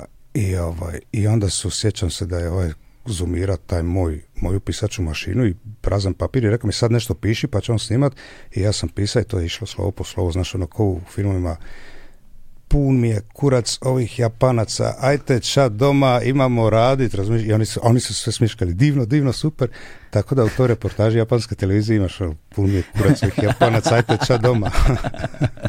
da, e, e, e, zato ti kažem, mi smo iz tog vremena, iz tog mm. mene, nama su i tad je Viktor postavio pitanje, kad smo počeli jedan na kompjuterima, kaže, sve ja to razumijem, ali ovo kad mi stavimo delete, kad ja izbrišem tekst, di to ide? On kaže, znaš, kad ja izgužvam papir na koji sam napisao, tako i bacim u ja vrlo vidim di to ide, znaš. Gdje ide to što mi izbrišemo? I zaista, di to ide, znaš, na nekim serverima, nekom srednjem zapadu ili u Moldaviji, postoji sve što smo mi kad pretražili, ukucali, napisali, vidjeli, pogledali. tako da to je, naravno, može biti paranoidno, ali zapravo je spuki, znaš. Pa- želim, ne želim da postoji mogućnost da se, da se nađe šta sam ja ovaj gledao, pretraživao, pisao, brisao i ja želim da, znaš, da ostane dostupno samo ono što ja, što sam ja završio i, i, i, i namijenio tome da bude pročitano i viđeno. To je velikoj meri I ne želim da me se... To je velikoj meri jedna distopijska slika sveta. Pa je, ali ne zamisla šta je ovo nego distopijska slika. Pa da. Znaš, ti u svakom trenutku ti više nemaš keša, evo, te ja sam sad bio u Londonu, nema više ni kartica, nisam uopće vidio funtu, novčanicu, sve plaćaju ovako. Da. Sve ovako, ti u svakom trenutku i naravno kad ti jebi ga napraviš, znaš, ti sad ubiješ čovjeka, nađete u roku 18 sekundi, evo te vide, najprije te prate svugdje su kamere pratite, znaš, di, di, si, šta si kupio, čime si platio, di si bio imaju, imaju Google Earth, Google Map, ovo ono, znaš, te sve, ti, potpuno smo, znaš, potpuno smo zaista iz, iz Orvelove, neprimjetno smo ušli u to, u svakom trenutku. Pa, koja iz discipline je bio veliki vizionar vremeno kad je sredinom 90-ih objavio album eh, u periodu svojeg boroka u Londonu, koji nosi naziv I Think I See Myself on CCTV. Da, da. da. taj, album... Ma da, i klinci to znaju. Pazi, mi budemo u Njujorku, to je recimo, ne znam, prije deseta godina, vodio sam čerku i njenu prijateljicu, one su male, one imaju možda 12 godina u tom trenutku i, ovaj, i, i idemo po Times Square-u, šetamo i kaže ona meni u jednom trenutku, idemo ja i moja prijateljica malo prošetati. Ja kažem, di ćete vi prošetati? Pa samo ćemo tu okolo, kaže, ne brini se, kao velika, pa ću velika, ima 12 godina. I ja skužim, dobro, to je baš ljuti centar Manhattana, nije je, New Yorka, nije sad neki, znaš, Harlem, nije, nije Brooklyn, znaš, pa ajde, budete tu nauku, ali najprije idemo kupiti e, karticu za mobit, tako da te u svakom trenutku mogu dobiti, znaš, da si mi tu nauku. I sad pazi što one naprave, koliko su ti klinci, evo Oni su, no. ima imaju 12 godina, ponavljam. One su našle taj CCTV kameru koja prenosi u realnom vremenu taj dio New Yorka, ispod te kamere broj te kamere, onda je ona poslala mami u Split poruku da se nalazi ispod te i te kamere u Njujorku, ona je na internetu našla tu kameru i onda ona mahala mami. Kad bi to tebi u životu palo na pamet? Da, nikad u životu. Kad bi ti to u životu palo? Evo, dan danas nikad mi Tako da je to vidiš, ono, pregazila me, mater, čer me 12 godina pregazila, kamoli ne znam. ali ono što je univerzalno u, tvom pisanju jesu ta, ta određena moralna i etička načela koja, bez obzira na vreme koje se menja, da li ćemo mi sad živjeti u digitalnom dobu ili ćemo živjeti u analognom dobu, da li ćemo živjeti u 33. veku ili ćemo se vratiti u 13. vek, pitanja su negde ostale ista. ljudi smo na kraju opet na isti način. Naš fiziološke, emocionalne, intelektualne, nadam se, naš duševne i dru psihološke i druge potrebe su nam na kraju dana opet negde ostale iste.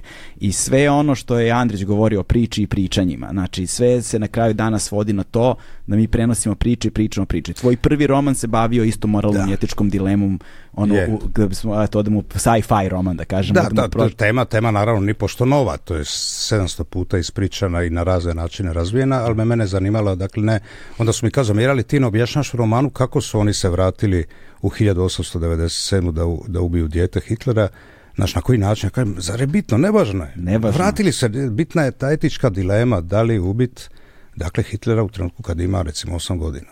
Da. Šta bismo napravili u tom trenutku? Da imamo tu mogućnost. E da, i to je za taj transformativni period, naš Dakle, ako ti ubiješ Hitlera kad ima 8 godina, da li si ti ubio dete ili si ubio zlikovca? Naš, kao, dete, naravno. Tako je, znaš. tako je, da, Tako je, i šta su, kao, naš, i ali u kom trenutku se taj, ta, ta transformacija sudbine dešava? S druge strane, jebo sad 1000 dinara i imamo jedan apsurd življenja. Znaš, gde, gde, gde, gde sam naslov i samih prvih, mm ne znam, prvo poglavlje tebi zapravo otkriva, jel te, tu, tu, tu, tu suštinu, gde je ono, da za tih hiljadu hrvatskih dinara koji su vredeli tada ne znam koliko, ono, ovaj, da je, da je rekao, da je rekao da. jebo sad hiljadu dinara, ne bio jer je to kusur, jer zato, da. jest jebo sa dinara, to je bio sitniš. Tako, znaš, da je, da, e, da, i ta, znaš, te, te neki, životni izbori na neki raskršćima ti određuju, mhm. određuju život, ti ne znaš, znaš, gdje si krivo skrenuo, znaš, to je bilo, to je bilo trenutak kad si možda mogao mhm. drugačije. Ono što je, znaš, na nekom uh, istorijskom planu, mi smo, e, mi smo narodi koji su na svakom tom raskršću gdje je trebalo reći evo sad hiljadu dinara i ovaj, ispustio mi smo na svakom povijesnom raskršću bez greške otišli u krivom pravcu. Nikad nijednu priliku da se zajebemo nismo propustili. E, i, ovaj, I ti dolaziš da živiš zapravo u Beograd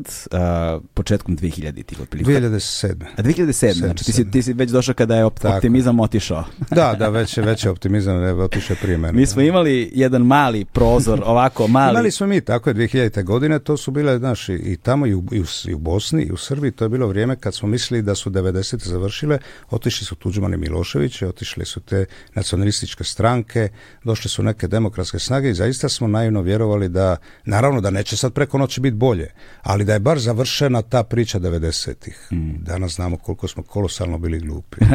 I opet skrenuli I, e, pogrešno. I opet pogrešno krenuli. jer smo, jer eto, mi smo imali taj mali prozor optimizma koji, ajde, ja, ja ga negde simbolički nazivam ono od, od, od kraja Slobodana Miloševića, ajde uslovno rečeno od 5. Da, oktobra, da. do 2003. godine do ubistva premijera. Da. Znači, mi to, i, i ljudi su vrlo lako zaboravili ko je to naboj optimizma bio, a kada se pogleda Nacionalni zavod za statistiku ili šta već, ovaj, pa se vidi koliko je beba rođena u tom periodu. Da. Znaš, znači da. imali smo kao ono, i, i sad recimo se stalno govore teme ono natalitetu, o, o, padu, o, nacijama, o izumiranju s druge strane, niko ne govori koliko socioekonomski faktori, koliko taj obrazovni sistem, koliko taj zdravstveni sistem, koliko silni neki drugi sistemi podrške koji bi trebalo da stupe, da, da, da funkcionišu, utiču na iste te faktore, ovde samo, samo se upumpava neki grozi nacionalizam kroz sve to. Ove, ovaj, I onda smo eto krenuli nadalje, a ti si živeo u tom, koliko dugo si bio ovde? Pa ja mislim jednak 3 35 godine, tako Šta si radio tad ovde? Pisao ista stvar. Ja, Znači, ja, sam otišao iz Ferala, iz Ferala 99. Ja sam ovaj praktički freelancer i ja ovo što su šta je, šta je zapad otkrio za vrijeme korona i lockdowna rad od kuće, to se ja otkrio 99. Tako da ja praktički... I, u tom smislu je potpuno svejedno gdje ja mogu raditi iz Uruguaja. Mogu raditi Iz, Tasmanije, mogu iz Beograda, mogu iz, mogu iz sa Palagruže. Da, Tako da sam ovdje radio zapravo isto, isto što je, i to je zbunjuje, znaš, ove ljude što se e, e, mnogi nacionalisti u Splitu i u Hrvatskoj dan, vjeruju da ja dan danas u Beogradu, naš, i onda kažu, evo, evo, opet onoga iz Beograda nam soli pamet. Ja, ja nisam u Beogradu već već 11 godina, 12 godina ne živim u Beogradu. Ali ne živiš ni Ali oni i dalje, znaš, ono, ovoga, on, oni nam sole pamet, on, on iz Beograda došli. Čak i ovdje ima ljudi koji misle da još živim. Potpuno mi je nevjerojatno da, znaš, da u vrijeme kad, kad se prati svaki korak ovaj, da, da, do njih još nije došla informacija da ja već 11-12 godina ne, ne. u Beogradu. Čekaj, Palagruža beše onaj hrid, posljednji to je Pučinski otok, Pučinski otok između, između Italije. Hrvatske i Italije. Posljednji koji pripada Hrvatskoj zapravo, tako? Posljednji koji pripada, e, on je pripao uh, Jugoslaviji, odnosno kasnije Hrvatskoj za 200 metara. To je otok koji, iz kojega se iz Komiže išlo na ribaranje jer je bogat ribom, on je bliži Lastovu, zapravo ne Visu, Lastovu je bliži 200 metara nego talijansko kopno mhm. i za tih 200 metara je pripao Jugoslaviji, odnosno danas Hrvatskoj. To je jedan fantastičan otok do kojega je jako teško doći. Nema naravno ničega, ima samo svjetionik i posada svjetionika i, i čudesan plavetni mir pućina dokle goti oko seže. I galebovi. I galebovi. I galebovi, tamo im je stanica da odmaraju na putu. dupini, morski psi, e, sredozemne medvjedice, fanta, palagruža je čudesan, Atlantida.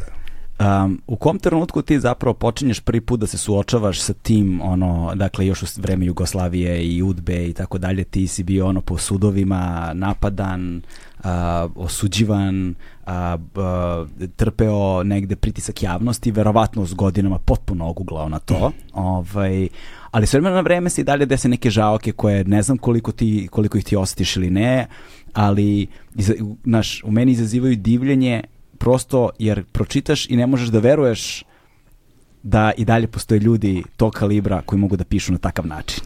Znaš, da li postoji jedan trenutak kada si u svojim pisanjima imao neku vrstu zadrške? Ne, ja uvijek kažem, znaš kako, mi, e, to smo mi još u Feralu skužili i, i ustanovili kao pravilo.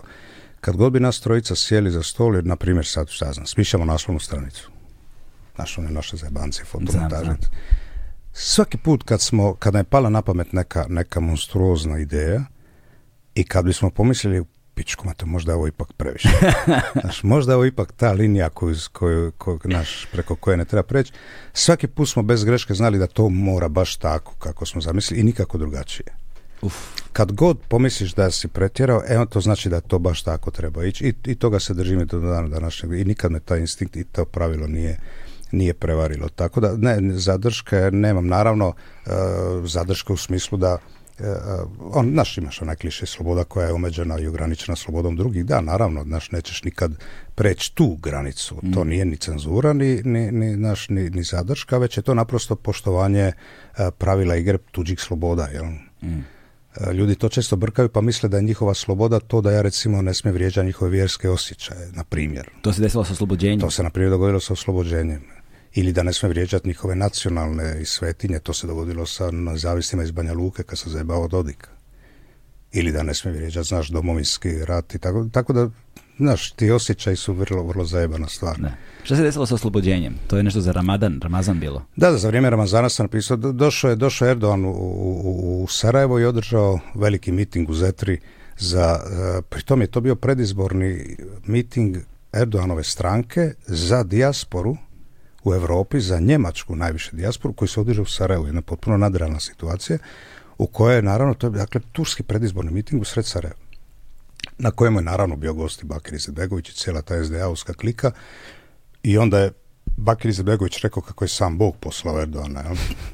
I onda se ja napis, znaš, ok, ako se može Bakir zajebavati da je sa, sa da je, znaš, da je, da je Erdoana poslao sam Bog kao poslanika ovaj, onda se mogu i ja, znaš, zajebao. Čemu je problem kad se ja onda zajebavam sa, sa, sa islamom i sa, znaš, onda se ja islamofob i tako dalje. I naravno, to onda mi je iz redakcije mi rečeno da se za vrijeme Ramazana u oslobođenju neće zajebavati na te teme. Ja sam rekao, tako, tako je, doviđenja, prijatno. I, znaš, tako je završila i ta, i ta epizoda, kao i mnoge moje. da. Onda je poslije bilo sa Dodikom. To je sad bilo prije. Pre, aha. Prije toga, u, u, u Bosni sam najprije radio za nezavisne novine kopanje u Banja Luci, znajući da to jesu novine koje na što odavno više nisu slobodne i tako dalje, ali me zanimalo da, da, e, da tamošnjim čitateljima ponudim drugačiju sliku svijeta, tako da sad tamo naravno ja u Banja Luci nisam pisao o Sanaderu ili Jadranki Kosor, nego o Dodiku, o SNSS-u i tako dalje, i, ovo, I to je išlo, išlo dok nisam e, pretjerao tu, tako da rekli smo direktno, ne, Dodika se ne smije dirati i onda sam, onda sam otišao, onda su me zvali za oslobođenje. Da, da, da. Tako sam počeo pjevati u oslobođenju dok nisam, znaš, naišao. Uvijek postoji granica i svetinja, e, a to su stvari koje ja ne, ne poštujem. Da. Žao mi je, ali ne poštujem onda se recimo jedna od skorašnjih, da kažemo, uh, da, da, javnih ono uzburkavanja se desilo u Hrvatskoj kada si napisao tekst Jebova svukovar. Jebova Vukovar, da. Eto isto, isto naš nacionalna svetinja a, krivo naravno shvaćena i krivo potumačena i spada u one stvari, znaš, ja čim sam ukucao naslov, ja sam Vukovar, ja sam znao da je to granica koja se prelazi i, znaš, čim sam pomislio, možda ovo previše značilo da mora biti baš tako. Baš tako sam se naslov i tako napisao tekst i naravno krenulo je da. krenulo je ludilo nezapamćeno mojih 35 godina bavljeno novinarstvom takva vrsta ludila to nisam držio tako da sam prvi put, ja nikad u životu nikoga nisam tužio mm. Nisam ni tad tužio, ali sam prijavio prvi put u životu, jer je to je bilo prestrašno. To je, to je bilo toliko, naš brutalnih, e, da, uvrede, jebo uvrede. Naš kaži mi da sam četničko govno, srbočetnik, đubre, sve ok, sloboda govora. I ja tebi kažem da si ustačko đubre, sve super. To je, znaš, to je sloboda govora. Ne, bi te ni uludilo, ne bi tužio nekoga kome nazvao e, prljavim jugoslavenskim kurvim sinom i šta znam. To je sloboda govora, zato smo se borili. Da. Znaš, to baštinimo tu slobodu. Ali, znaš, čekate čakija, znaš, progutate, progutat ćete noć i tako dalje, to sorry, prijetnje nećemo i onda sam nekih 60-70 najbrutalnih direktnih prijetnji smrću, što bi rekli braća Olizo Plajzos presaldumio a, a, Hartiju i na policiju prijavio sam ih nekih 60-70 i to je, boga mi, krenilo u proceduru. Sad je podignuta optužnica, državno što je podignulo optužnicu protiv prvih šest, ide po redu, jer sad to treba naći njihov otkrit naš identitet pravi, način gdje su ta istraga u toku i prvih šest je završeno i podignuta optužnica. Tako da, mm. znaš,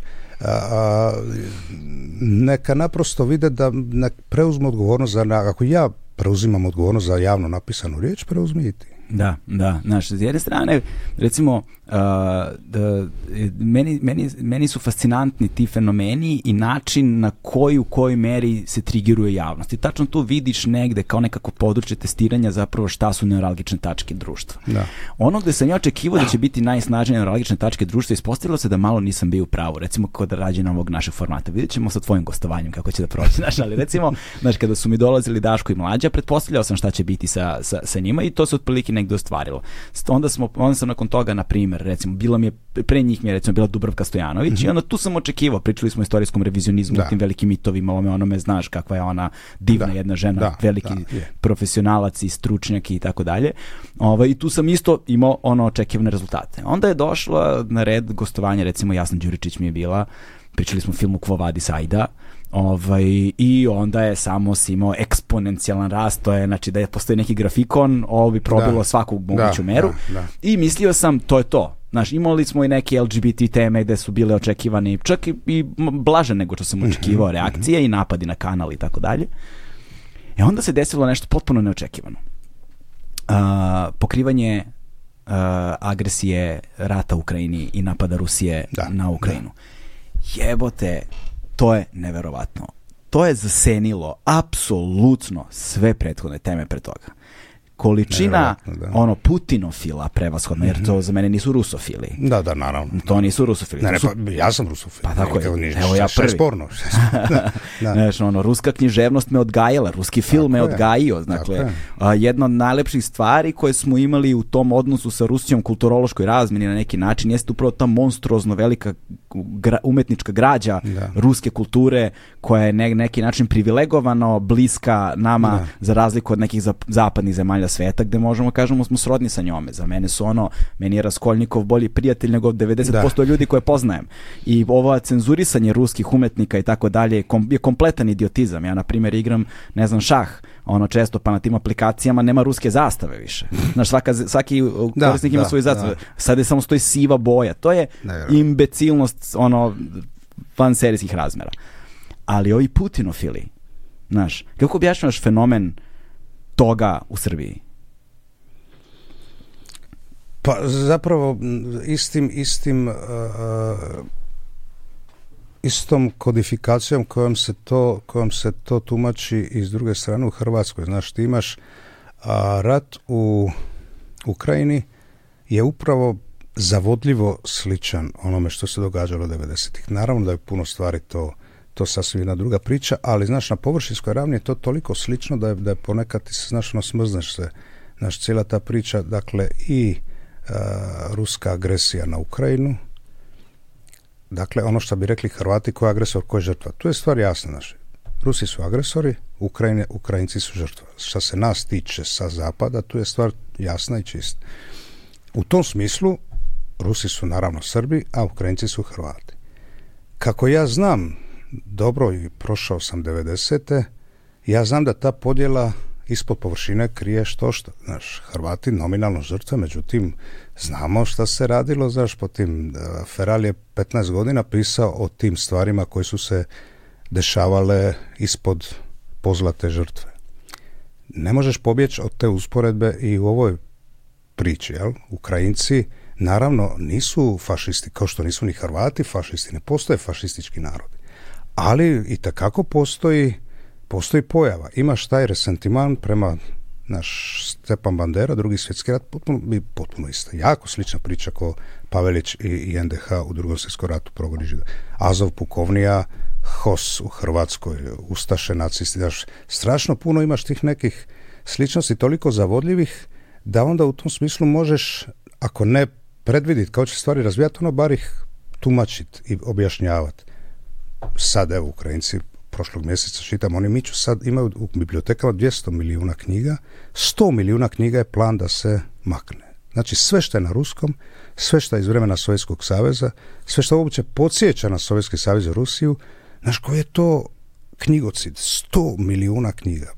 Isto što se događalo u Hrvatskoj, samo naravno Hrvati su nešto malo manje bibliofilski narod, pa smo mi spalili i uništili svega nekih 2-3 milijuna knjiga, ništa, to je sitniš da zaveze toliko je slično. Ja sam, znaš, u Splitu upoznao dva mlada, jedan mladi ukrajinski par, koji su naravno mladi, moderni, u svojim visokim 20. godinama rade za, u IT industriji za neku američku firmu. Užasno su uplašeni za svoje u Ukrajini. Htjeli bi se vratiti, ali ne mogu, a i posao, i trle brle. Čuli su da sam ja novinar i sve to njima strašno zanimljivo. Znaš, da upoznaju nekog novinara koji ima informacije i tako dalje. Kako se zove, kad neko zove, on je odmah krenuo na pametnom telefonu da me googla, ja kažem, neće ti se svidjeti to šta ćeš naći. Kaže, zašto misliš? Pa kažem, sad ti zašto? Zato što smo mi, probaj zamisliti da sad u Ukrajini, u Kijevu, na primjer, ili u Harkivu ili u Odesi, da izlazi neki tjednik koji bi sad u ovom trenutku pisao o ratnim zločinima pukovni Azov i uopće ukrajinske vojske nad Rusima i nad pripadnicima ruskih manjina ili u, u nekim enklavama, koji bi pisao o ratnom profiterstvu, koji bi pisao o aferama Volodimira Zelenskog, koji bi pisao, znaš, o, o, o, uništavanju ruskih knjiga, o potiskivanju ruske kulture, koji bi ismijavao novi, novi ukrajinski govori, novu i cijelu novu paradigmu ukrajinskog i, i, i sve to, dakle, u sred ovog rata. I on kaže, e to smo mi radili. Možeš pretpostaviti koliko sam popularan u Hrvatskoj, rekao, boga mi, mogu on se prilično usrat, kaže, pa je moguće da, da, da, ja kažem, kaže, zašto ste vi to radili? Ja kažem, zato što nismo htjeli biti dio tog nakaradnog sistema, nismo pristajali da mrzimo i nismo pristajali da pokrivamo te stvari. I odbijali smo da se nešto radi u naše ime. Ja da sam sad Ukrajinac, ja bi to dakle radio, ja bi izdavao feral negdje u Kijevu, koliko bi to bilo moguće, kako je bilo u Hrvatskoj, jer bih odbijao bit dio, dio toga. Naravno, sve ok, naravno da je Putin e, diktatorski manijak i naravno da je ta, ta agresija zločinačka i sve to je naravno, kao što je naravno bilo i 1991.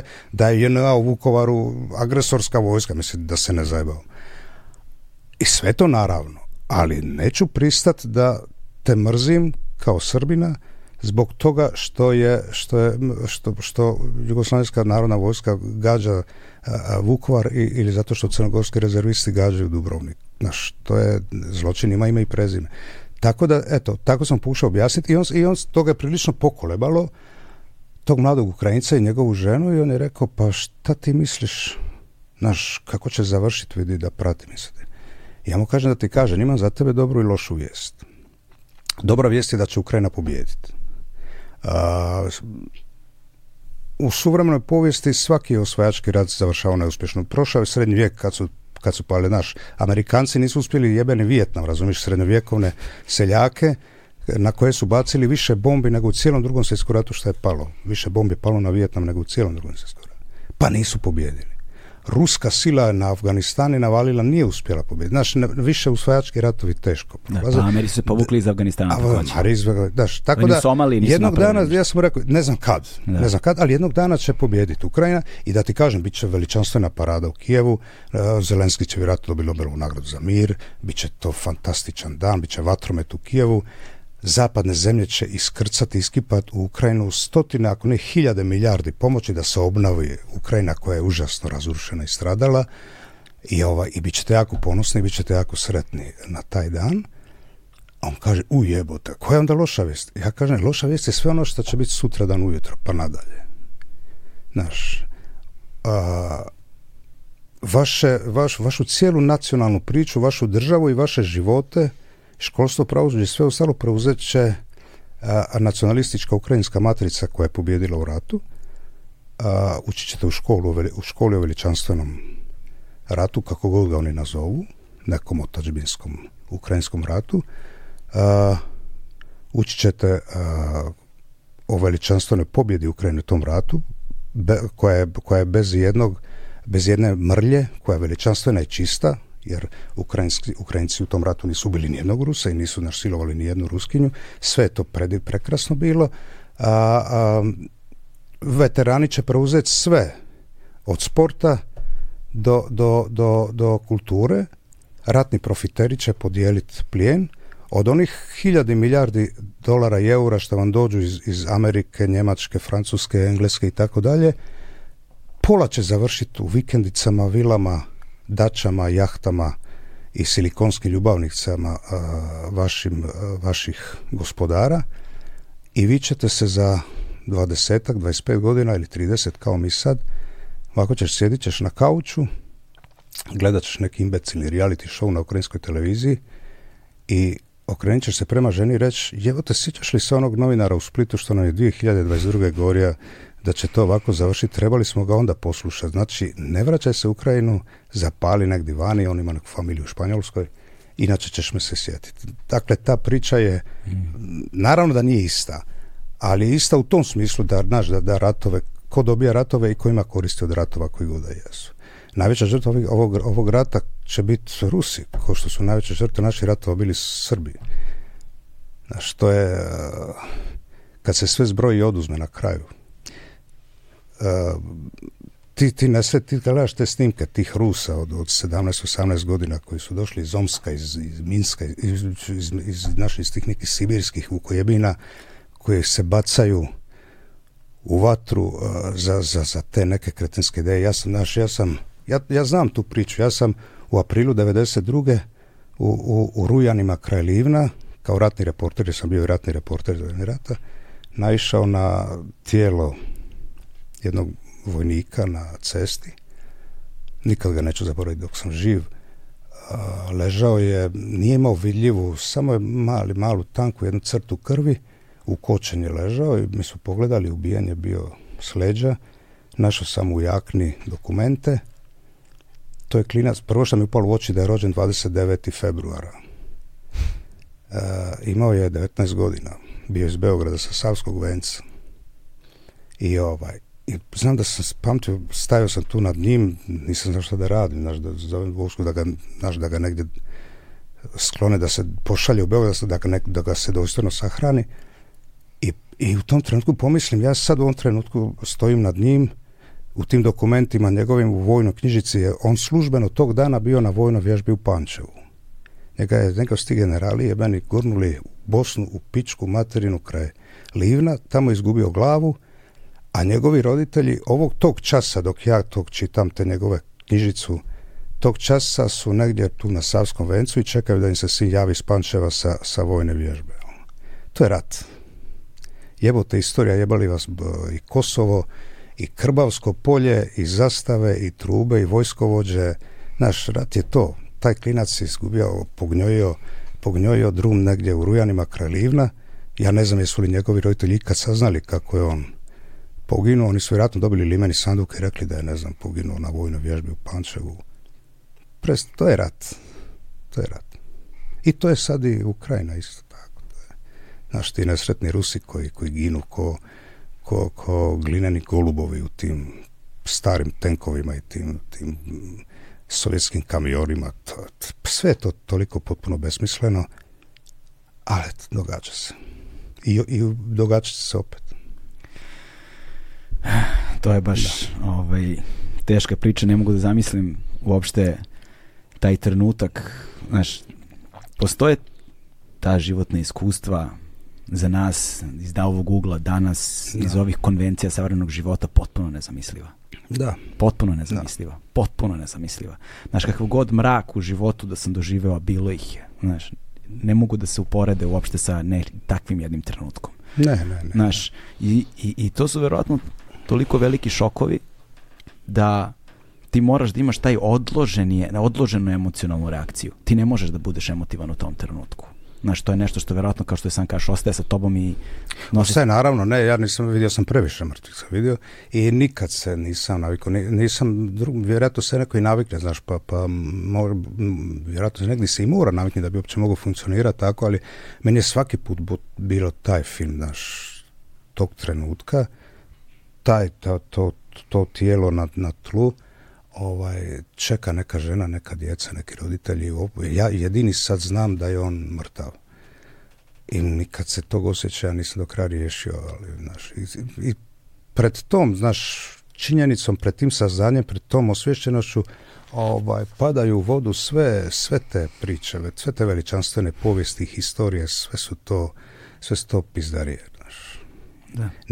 Nijedna, povijest ne vrijedi jednog ljudskog života. Da je, znaš, da sam, ako, ako, bi, ako bi cijena Hrvatske države bila samo jedan život, recimo mala Aleksandra Zec od 12 godina, onda meni ne treba ta država.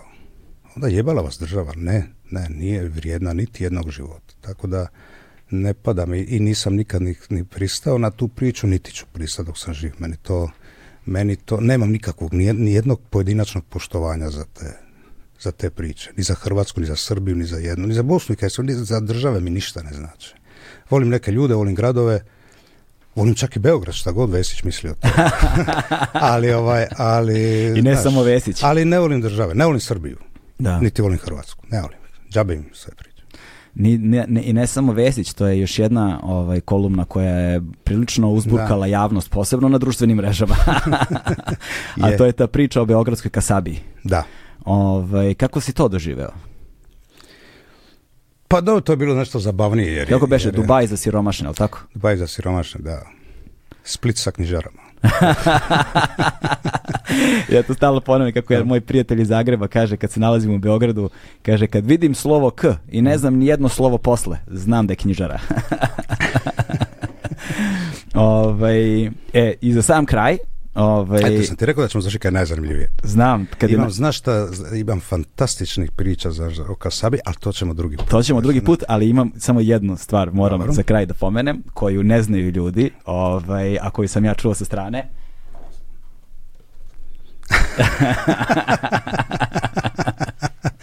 Stovarište.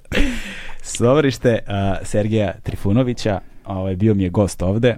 E? Ovaj, Šta ti je rekao Sergej? Divni Sergej i mnogo ga volim. Ne, rekao mi je samo da je trebalo ti da napišeš predgovor za, za knjigu i da si napisao predgovor i da ti predgovor nije objavljen. Eto, čak, ne, čak me i on cenzurirao. Sergej nakon toga ljut na mene, ali, ali ne treba biti Sergej, moj, stari drugi, ovaj, ja ga baš volim. Ovaj, riješit ćemo to naravno ovaj, u četiri oka. E, tako što se mene tiče nije, to je samo naš neka... Mi, radilo se nesporazum, krivo, krivo shvaćeno jednoj stvari, znaš, tako da to jedva čekam da, da ga vidim, da, da mu kažem mršu pičku, mate, dođe vam da popijem piće. I ovaj, e, tako da, dragi Sergij, Sergij, volimo i volio ja Sergija. Da, volimo ga i mi puno. takvog kakav je, ne treba ga menjati. Mahnit je, da je lud je, da, da. nije normalan nije, naravno sve, ali zato ga vode volim. to je to. Hvala ti puno još jednom. Hvala tebi. Veliko je zadovoljstvo i čast uh, ugostiti te ovde. Hvala ti puno što si bio i nadam se da ćemo se sresti još mnogo puta. I, I šta, imamo, imamo još to šta ispričati, ovaj, tako da vidimo se u drugom dijelu. Naš. Sad smo malo u cajtnotu, odnosno ti si u cajtnotu, ne želimo da te zadržavamo više. Nema problem. Hvala ti puno još jednom, hvala puno zahvalno svima, stigli smo do kraja, to je to. Ćao. Hvala tebi, čao, čao.